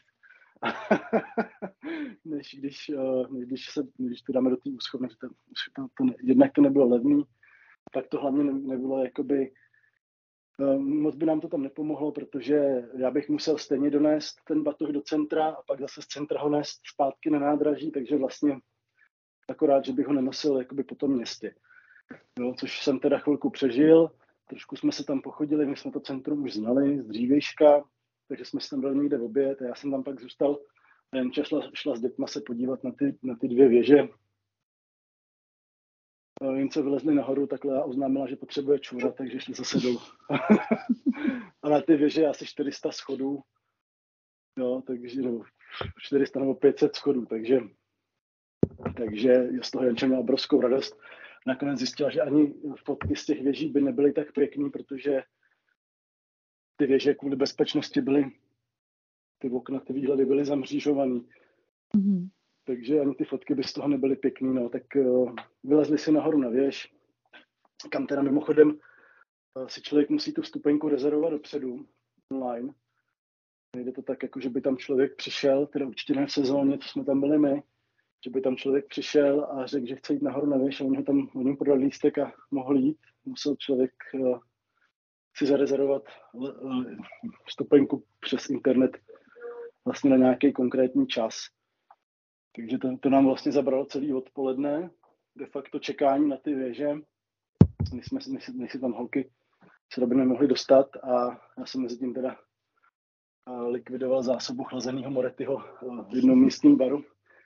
Bychom potom večer teda vyrazili směr Riminy a pak jsme, pak jsme teda dojeli do Riminy a tam jsme přestoupili a nechali jsme se do toho Ričione. Tam se pak strávili pod asi 9 nebo 10 dní zase tím jsme vyloženě už nedělali žádnou turistiku po městech, akorát jsme navštívili Rimini a Ankonu, Ankonu, Ankonu, no. A um, to byly, to byly jakoby dva výlety za těch deset dní, jinak jsme, jinak jsme víceméně si užívali sluníčka a moře a už jsme, už jsme uh, neměli žádné ambice jako dál něco objevovat. Ono taky uh, sice místa tam nějaký byly, ale v San Marino, který byl kousek, tak tam jsme byli právě v roce 2020 tam jsme znovu nemuseli, nebo nechtěli ani a pak jsme vlastně a tam objevili akorát ty dvě města, to Rimini, tam jsme se byli podívat a, a do té Ankony. A tak to bylo musím, musím říct, že jste mi aspoň trošku potěšil, že aspoň na jednom z těch míst, co jste tady tak jako za celé ty dvě besedy vypoví, vy, vyprávěl, tak jsem byla teda taky. a jinak, jinak jen tak jako poslouchám a říkám si, že to muselo být úžasné. Takže no, jste se dostal aspoň tam, kde já to aspoň trošičku znám. Je. Takže... Bylo to úžasné hlavně v tom, že, že tam, že jsme si během té dovolené úžasně odpočinuli od takových těch všedních věcí. Mm-hmm. Člověk uh, si vyčistil hlavu na těch cestách, poznal spoustu zajímavých míst, ochutnal spoustu zajímavých jídel a tak nějak ten čas strávený s tou rodinou a tak to bylo prostě, byla ta pecka. Mm. Takže potom už, potom už jste se vrátili, předpokládám, že vlakem, kudy domů? Potom, tak, přesně tak, pak jsme se vrátili přes Boloňu, Vídeň, zpátky do Prahy. No. Mm. A tam už se nestalo nic zajímavého po cestě, už to bylo všechno, šlo hladce. To už a... úplně ne. Vídeň jsme měli vyloženě jenom jako zastávku na cestě, na přespání, mm. protože uh, respektive takhle, ono, uh, jsme to byla docela komplikovaná cesta, co se týká jakoby zase časové náročnosti, kdy jsme ve 8 ráno vyráželi z Riminy s tím, že jsme vstávali zase poměrně brzo, aby jsme zbalili stany. Ve 8 ráno jsme vyráželi z Riminy, pak jsme přijeli do Boloni. V Boloni jsme zase čekali na další spoj z Boloni do Brennera, nebo do Brixenu. Si nejsem jistý, možná Brennero, nevím. Vlastně jsme se vraceli přibližně stejnou trasou, jako jsme přijeli, až na to, že jsme nejeli teda přes Mnichov, ale přes Vídeň. V Brenneru jsme přestupovali na vlak do Innsbrucku a z Innsbrucku jsme pak jeli do Vídně. No. Ta cesta začínala v 8 ráno v Rimini a končila před půlnocí na hlavním nádraží vídeňským. Takže ta cesta byla hodně dlouhá a e, ten vlak do té Vídně zrovna z toho Innsbrucku byl docela takový nadspaný, takže jsme i část cesty stáli. Tak, tak to bylo takový jako náročnější, co se týká jakoby toho přejezdu zase. Ve Vídni jsme se vyspali, jsme si tu cestu nějak rozložili, a nezdržovali jsme se tam a jeli jsme, jeli jsme domů a vlastně vrátili jsme se asi po 630 dnech na cestách mm. zpátky do České republiky. A úplně nadšený, ale zároveň vyčerpaný, protože uh, odpočet je zároveň vyčerpaný, protože vyčerpaný asi z toho plánování, z té logistiky, cestování tím vlakem uh, je náročnější než ty road tripy, na který jsme zvyklí, kde člověk kam potřebuje, tam ho doveze auto a mm tolik toho nemusí nachodit, nemusí tolik řešit ty spoje, je tam daleko svobodnější. Tady, tady fakt musíte plánovat, teď zjistíte, ono by se odse dalo dojet tam a tam, no jo, ale co tam v jednu ráno budeme dělat? Mm-hmm. jo, musíme tu cestu nějak rozložit. Jo, nebo zjistíte, že sice někam se dostanete, ale pak uh, vám o tam teď zase nejede žádný přípoj ten den už, že poslední mm-hmm. přípoj třeba jede hodinu potom, hodinu předtím, než vy tam dorazíte a musel, musíte tam počítat. To třeba není vůbec jako zajímavé místo, kde by člověk jako chtěl strávit noc, nebo kde by se třeba chtěl zdržet více dní, když už tam je. Jo, a tak si říká, tak, mus, tak naplánujeme nějakou jinou cestu, nějakou zajímavější. A ne vždycky to úplně dá, je to poměrně náročné na, na, to, na, to, na, na to rezervování toho ubytování, na to rezervování těch míst a na to, na to plánování těch cest. No. Což hmm. jako vždycky jsme třeba dvě, tři hodiny denně, ne denně, vždycky dvě, tři hodiny před odjezdem z toho konkrétního místa strávili tím, že jsme hledali vlastně, eh, kam to bude dál, kde se ubytujeme, jak to tam naplánujeme tu cestu a takhle. Hmm. Takže tam to bylo jako hodně o tom plánování. No. Nakonec. Každopádně jste to zvládli, vrátili jste se nadšení a to je asi to nejdůležitější, že jste si to užili. Ta cesta byla dlouhá, trvala, trvala těch pět týdnů, člověk uh, musel být připravený na všechno možný. Uh, mohlo nám taky třeba pršet, za celou dobu nám pršelo, akorát když jsme byli v tom Rimini, spadlo pár kapek, jinak jsme za celou dobu nezažili ani jedinou bouřku, ani nic, co jsme byli rádi. Ale byli jsme připraveni, měli jsme dva stany a, a tak, no. Spíš, spíš, co by vás třeba zajímalo. Mě by, mě, by, mě by ještě zajímalo třeba, jak je pro vás náročné orientovat se v tom kempu, protože já teda se zbytkem zraku jako v tom kempu to mám docela náročné. A zvlášť večerní přesuny, takže jak to Aha. zvládáte vlastně poslepu? Takhle. Ty kempy, tady u nás jsme zvyklí, že to je nějaká louka, jo? Mm. Když to jinde, ty kempy jsou nějakým způsobem rozčleněny na nějaký parcely. A mezi těma parcelama jsou chodníčky, cestičky, mm. silničky pro auta, protože v těch kempech často parkují právě obytňáky. Takže naučit se nějakou trasu je velice jednoduchý, protože je to jako pohybovat se po nějakým mřížce, tabulce. Mm-hmm. Jo, mhm. vy víte, že uh, váš plac je třeba třetí, jo, dá se to odpočítat. Jo, ty mm-hmm. odbočky, ty uličky. Uh, nestalo se nám, že bychom se v těch kempech ztráceli. Mm-hmm. Většinou ještě nám jako vymezili třeba takový místo, že jsme byli fakt blízko u nějaký uh, umývárny se sprchou mm-hmm. a tak. Takže to nebyl problém jsme měli třeba naproti stanu třeba přímo, jenom přes uličku. A pak nás třeba jednou teda přemístili dál od toho, ale tam vždycky na konci té uličky byla nějaká sprcha, takže člověk eh, se tam jako ne, ne, nějak jako ne, ne, nestratil. Jo, bylo to tam mm-hmm. orientaci dobrý. Ty taky třeba dělá v kempu, když jsme třeba tady v Čechách na vodě a máme někde postavený stan a ten těch, je to plná louka stanů, tam se člověk moc mm-hmm. jako nezorientuje, není tam podle čeho tam je spíš nebezpečí, že někomu zakopnete o šňůru od stranu nebo něco takového. Mm-hmm. jo. Ale tady, tady to tak není. Tady má prostě každý svoji parcelu a uh, kolem těch parcel jsou chodníčky, takže tam se člověk podle těch chodníčků orientuje dobře. No takhle, v Itálii uh, byly popsané sedačky a kupéčka brailem. Každá sedačka měla v brailu napsané číslo, jo, uh-huh. takže člověk, když věděl, že má hledat 4D, tak našel 4D. Vždycky z boku na té sedačce to bylo napsané. V té Itálii to takhle mají skoro všechny vlaky, nebo určitě ty expresní, určitě ty dálkový. To jsme tam viděli všude. Co se týká těch tlačítek na ty záchody, tak zase to má popisek v Brailu. Bývá tam napsáno třeba Open. A manželka eh, nedávala pozor a když vycházela z toalety, tak si omylem zmačila tlačítko SOS.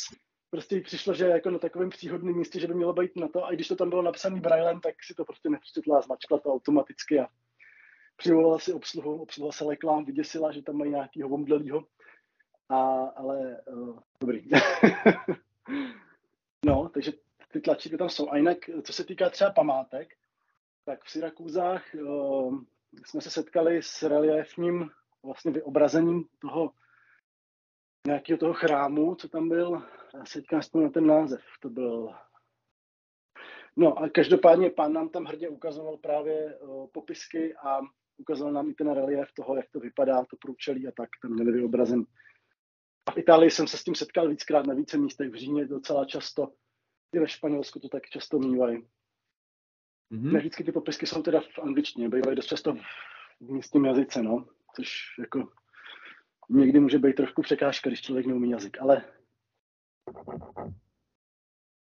popisky tam tak bývají, no. Si jsme řekli už všechno zajímavé, myslím, že vyprávíte to se vším všudy. Takže já možná moc Až moc, možná až moc obsáhle, já se za to omlouvám, ale... No, já myslím, já že je to zajímavé, že, že, že je to fajn, že se člověk takhle dozví, dozví spoustu věcí. Já, za, já mám ten poslední dotaz, dám já. Kam se hmm. chystáte? Teďka se chystáme do Portugalska po Velikonocích. Hmm. A jak pojedete? Tam poletíme.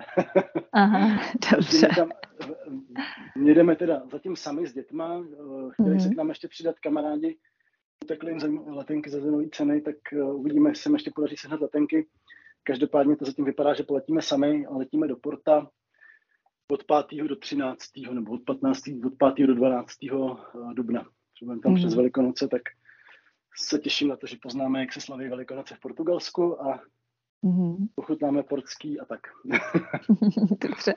Tak já vám přeju šťastnou cestu. Budeme se těšit, že možná někdy na podzim nebo v zimě se zase setkáme a že nám zase budete vyprávět, co zajímavého jste zažili. Takže děkuji, pozdravujte ženu a všechny Rádo úžasné děti. Užijte si to v Portugalsku a všude na cestách, kde, kde budete. Kdo by měl zájem, tak může sledovat. Jana určitě bude, bude pokračovat v psaní jo, na blogu. Jo, má to v plánu. Budeme se těšit na fotky od Lady. My, co z toho ještě něco vykoukáme. A moc děkuju a přeju příjemný zbytek večera všem. Děkuji, nashledanou. Nashledanou.